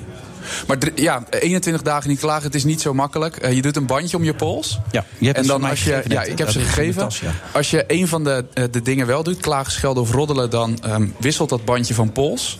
En als je dan op dag 6 of 18 was, dan, eh, dan ben je weer op dag 0. Dus dan kun je weer opnieuw als je één beginnen. keer klaagt, hup, weg, weg bent je. Up Want het gaat om kant weer. 21 dagen onafgebroken.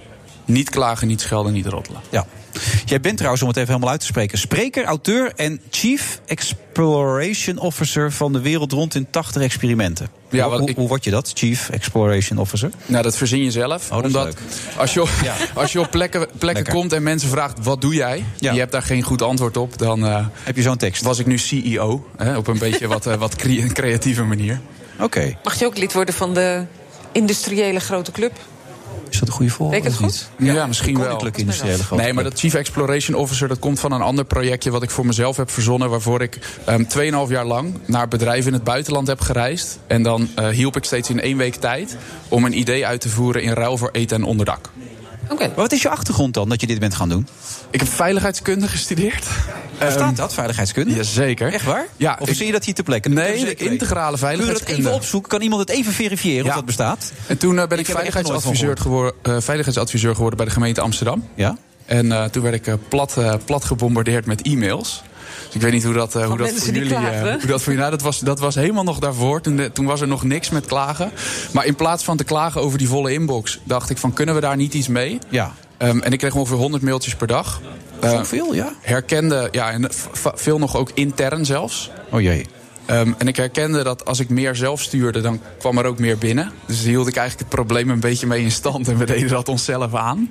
En toen was de vraag van als ik nou minder stuur, komt er dan ook minder binnen. En dat is uiteindelijk het e-mail-dieet geworden. Eén keer per dag je mail kijken en maar drie keer drie mailtjes sturen. In geval van nood. En dan kijken van hoe kun je dan alles wat je op je afgevuurd krijgt... eigenlijk op een andere manier oplossen.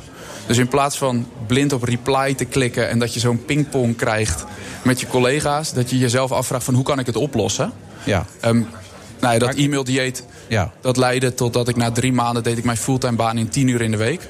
En dat kon allemaal veel slimmer en anders... door vooral andere Maar werk even nog met het e-mail-dieet. Is Ja. het ook niet zo dat een heleboel mensen afhaakten... want die dachten, hij reageert toch nooit, ik geef het op. Dat was het niet. Het, er, er kwam nog wel iets positiefs uit bij jou. Misschien herken je het van als je op vakantie bent geweest en je komt terug. Dan zit je mailbox vol, maar eigenlijk is 80% is al opgelost. Ja.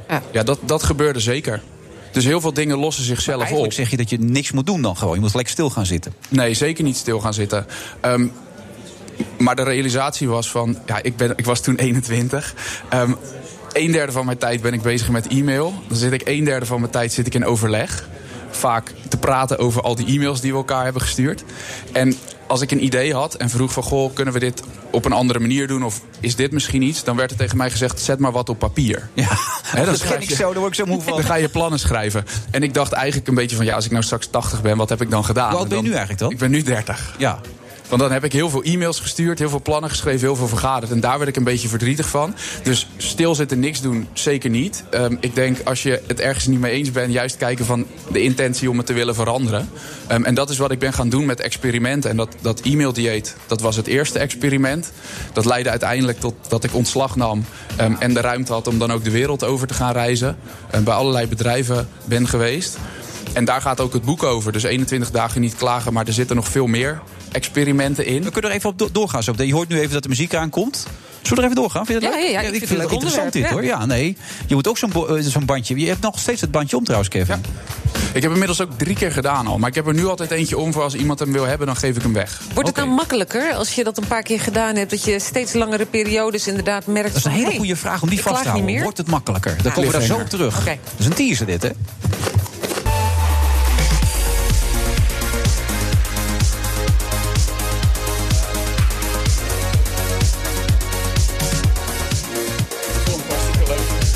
We zitten in de absolute slotfase van deze uitzending van de Friday Move. We zitten nog steeds in de, let u op, Koninklijke Industriële Grote Club. Oh, niemand reageert. Nou, hartstikke goed. Ja, ik denk, ik krijg nu applaus. Maar ja, nou ja, dank u wel. En naast me zit nog steeds eh, Saskia Belleman. Eh, en we zitten ook steeds met Kevin Weijers. Eh, Je zegt nou net, hebben ze echt tegen jou gezegd... dat ik jou zou kunnen afmaken in het andere programma? Nou, dat je vooral heel erg gevat bent en heel erg scherp. Dus eh, ja, Nou, dat is het mooie complimenten, toch? Dat ik dit hoor, zeg. Hij gaat niet klagen over je hoor, want dan moet hij dat bandje weer afdoen. Ja, maar je hebt er het drie goed. maanden over gedaan, Kevin, hè, om het voor elkaar te krijgen, voor de, duidelijkheid. Ja, de eerste Want keer omdat... denkt, hij heeft het zo even gedaan, die gozer. Nee, dus de eerste keer, de eerste, keer eh, ja, de eerste paar dagen was vrij makkelijk. Ik had ook een groepje mensen om me heen en die zagen dat ik een bandje had en die vroegen van, goh, wat is dat dan? Ja. Dus die gingen proberen mij te laten klagen. Ehm, dus daar word je lekker competitief van. Maar je bent niet de type klager. Als je hem zo ziet zitten, Saskia, wat denk je dan als je Nee, hem een zo ziet? vrolijke uitstraling. Maar iedereen klaagt wel eens. Hè? De klagen Nee. over de wekker die te vroeg afloopt. Nou, je- eh, Kevin, kan je al vertellen hoe vaak wij op een dag klagen, Kevin? Ongeveer gemiddeld. Nou, ik, ik pin me er niet aan vast. Ik, ik heb dat ergens, zag ik, zag ik dat voorbij komen, dat is 73 keer per dag. Serieus? Ja, serieus. Oh, daar schrik ik wel van. Ja, dus we klagen allemaal wel een beetje boel, hè? Ja, weet je veel, ja. ja. Maar Kevin niet als je hem zo ziet zitten. Het is een positieve gozer. Lacht veel, straalt. Nou, het is meer geen van- mailtjes. Denk, nou, zoek het lekker uit met z'n allen met die mailtjes. Kijk, het hele idee erachter is, ehm, en daarom is de oproep ook van... Ga, ga zelf eens een keer het experiment aan. Hè. Gun, het jezelf om eens te kijken van wat doet het als ik zo'n bandje om mijn pols doe... en 21 dagen ga proberen niet te klagen. Ehm, dat is ook de reden waarom ik, waarom ik het boek heb geschreven, waarom dat de titel is. Maar er zitten dus meer experimenten in. Juist om eens mensen uit te dagen om eens iets te doen of iets te beginnen, zo klein als dat het kan zijn, waarvan je niet vooraf weet hoe het afloopt. We proberen altijd maar te plannen en alles Ja, helemaal alles dicht, moet te- dicht regelen. Ja. Maar gun het jezelf nou eens een keertje om je te laten verrassen door, door iets wat je oppakt waar je nieuwsgierig naar bent. En dat is een beetje de boodschap van het boek. Hmm. Ehm, en ik denk dat dat wel wordt gevat in die 21 dagen niet klagen challenge. En hoe lang, want je hebt het drie keer gedaan, zeg je, wordt het dan Ja. makkelijker als je het drie keer doet? Wordt het een soort gewenning? Ja, het wordt wel op een gegeven moment makkelijker. Want eigenlijk alles wat je eh, vaker doet, daar word je beter in. Ehm, dus als jij je bewust wordt van waar je over klaagt, dat is de winst, zeker in de eerste drie dagen. En mensen denken wel eens als een positiviteitschallenge, is het ook een beetje, maar het is ook vrij confronterend. Ehm, maar je wordt er zeker beter in, want je gaat herkennen van waar loop ik nu structureel op leeg. En dan, ja, eigenlijk ga je dan nadenken van, maar wat kan ik daaraan doen? En die oplossingen die zijn vrij, vrij simpel. Dus als je ondernemer bent en ja, je zit elke maand boos eh, achter je administratie. Ja, dan moet je er wat doen. Ehm, ja, dat is een ding. Ja. Waar, waar ging je nou het meeste mee de mist in? Want in het begin mislukte het natuurlijk. Wat, wat Ja, was jouw valkuil? Externe dingen natuurlijk. Dus eh, eh, het weer, eh, het verkeer en dat soort dingen. Maar ook vooral boze managers Ja, of eh, mensen die er niks van e-mail. snappen. Beetje, dat heb ja, ik meestal. Hè? Andere snappen mensen. er helemaal niks van die gozer.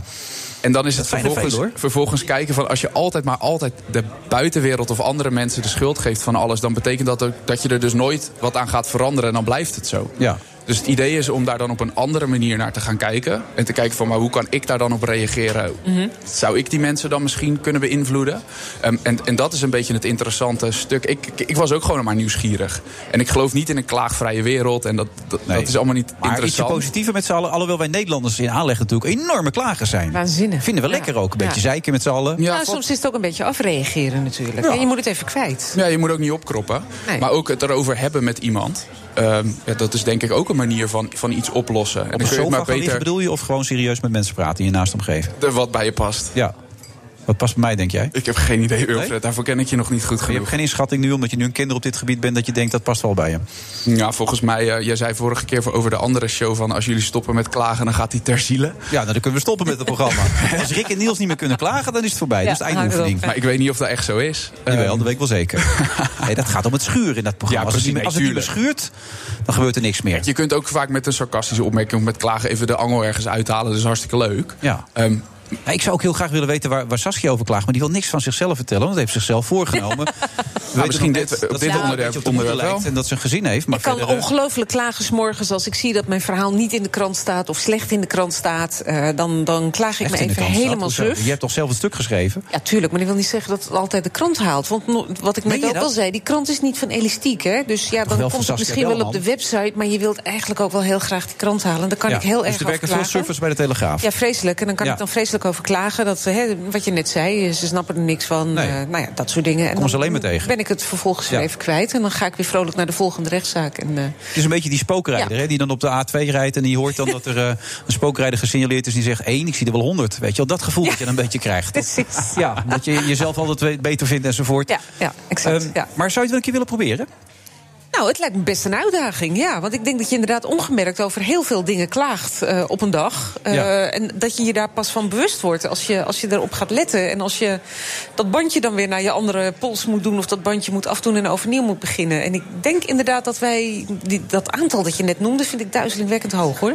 Ja, Dat wat ik zeg, ik weet ook niet of maar dat heel wetenschappelijk helemaal ja. onderbouwd is. Maar dat is, Ja. Wat ik voorbij zag komen op internet, Wilfred, dat, dat, staat, Dat keurig netjes, ja. dat staat keurig netjes in het boek. Nou, maar ik schrok daarvan. Nee, het En hoeven natuurlijk mij- niet allemaal grote klachten te zijn. Het kunnen ook gewoon kleine dingetjes zijn. Van, gadverdamme, het regent weer. dat is ook klagen, ja, toch? Maar voor mij was dat aanleiding genoeg om, gewoon eens, om daar eens mee te beginnen. Want zelfs al was het 43 geweest, dan had ik nog steeds gedacht van... Poeh, veel. Ja. Zullen, we daar, zullen we daar wat mee er aan staan doen? nog veel meer experimenten in dit boek, hè? Precies. Juist. Wat gaat Iets doen die, eh, waarvan je vooraf niet weet hoe het afloopt. Dat is leuk. Beetje nieuwsgierigheid, ja. Hoe, hoe ging jij met wat voor gevoel ging jij hier naartoe, Saskia? Is dat het gevoel van ik ging, ga ergens doen, maar ik weet niet hoe het afloopt? Was dat? Ja, ja, ja, absoluut. Want Ja? ja? Ja, ik ken jou niet. Ik ken het programma redelijk. Want ik luister daar in de auto wel geregeld naar. Maar het is anders als je er zit. Hoe is het dan? Dus ik, eh, ik vond het leuk. Ja? Ja. Dus het Ga viel niet mee. klagen. Het viel mee. Het viel mee. Ja. Nou, ik vond het hartstikke leuk dat je er was. Jij trouwens ook, Kevin. Dankjewel. Succes ook met, eh, met dit boek en alles, al die ex- experiment. Daar kun je dus gewoon van leven, hè? Dat je nu bij al die bedrijven staat te vertellen enzovoort, dat soort dingen. Nou ja, blijkbaar is het nodig. Ja. Nee, ik word uitgenodigd om bij bedrijven verhalen te komen vertellen over die experimenten, over het volgen van je nieuwsgierigheid, maar ook hoe je dus ja, grote ideeën klein maakt en dat je in actie komt. En een van de dingen is het 21 dagen niet klagen, ja. Ja, nou, hartstikke goed. Heb jij nog dromen, ambities en plannen? Ik ga proberen 21 dagen niet te klagen. Lijkt me Mooi, hartstikke leuk. geef ik je zo een bandje. Ja, Nou ja, zeker met al die zware zaken die je hebt, is dat best lekker om dat een beetje luchtig en lichter te maken, toch? Nou ja, weet je, die zaken maak je niet luchtig. Maar, eh, Nee, maar en ik, ik, daar klaag ik niet over hoor, Nee. trouwens. Want ik vind mijn baan hartstikke leuk en interessant. En laten we wel wezen, het is niet mijn ellende. Hè. Het is de ellende van die mensen die het hebben meegemaakt. Absoluut Daar waar. zal ik niet over gaan klagen. Waar ga je maandag zitten? Eh, weet ik nog niet. Oh, dat, dat weet je nog niet. Nee, dat ga ik in het weekend altijd uitvissen. Want, eh, daar heb ik geen tijd voor door de week om dat uit te zoeken. Maar je doet ook wel leuke dingen met je gezin, toch? Oh, dat bedoel je? Ja hoor, Nee, jij nee, ja, die combinatie. Ja, nee, nee, Ja? komt helemaal goed. Want je Ja. moet ook veel leuke dingen doen. Ik, ik ga absoluut leuke dingen doen. Ja. ja. Maar meer kan ik er niet over zeggen. Zonde. Bedankt, goed dat je er was. Kevin, jij ook. Succes met alles wat je doet, Saskia. Doe ze allemaal de groeten daar. Zal ik doen. Eh, Volgens mij is volgens mij Giel Bevers zie ik hier nu staan, mijn co-host volgende week. Oh, als er maar niemand wegloopt dan. In de Sky Lounge. Tot volgende week. Nou meneer, zegt u het maar, voor of tegen? No guts, no glory, zeg ik dan maar. Het is echt heel bijzonder. Maar dat alles bij elkaar zorgt voor een, eh, toch een duidelijke vertraging van de groei in Nederland. Dat eh, zal de tijd leren. Dit was een heel bijzondere situatie. Het gaat veel verder dan de vervolging van Geert Wilders. We want to give this president the opportunity. Nou meneer, zegt u het maar, voor of tegen? No, if we don't have a deal, if we don't make a deal. Ik vrees dat het inderdaad een eenvoudig een politiek spel is wat er gespeeld wordt. Eh, en sindsdien hebben we een, een loket opgebouwd waar de Groningers over het algemeen tevreden over zijn. Wat goed loopt, wat heel zorgvuldig werkt. Maar ja, That reminds me of Crooked Hillary. She did the same thing. You have the charisma of a damp rag and the appearance of a low-grade bank clerk. Werkgevers kunnen hier natuurlijk een belangrijke rol spelen om, eh, om die kloof te dichten. Nou, er zijn geen projecten echt stopgezet. Delay means defeat. Kick the can again. Kick the bucket. Maar dan hebben we bijvoorbeeld eh, de president van eh, Singapore, die verdient 1,4 miljoen. Dus er zitten enorme verschillen internationaal, die zich eigenlijk niet goed laten vergelijken. Imagine this for a second.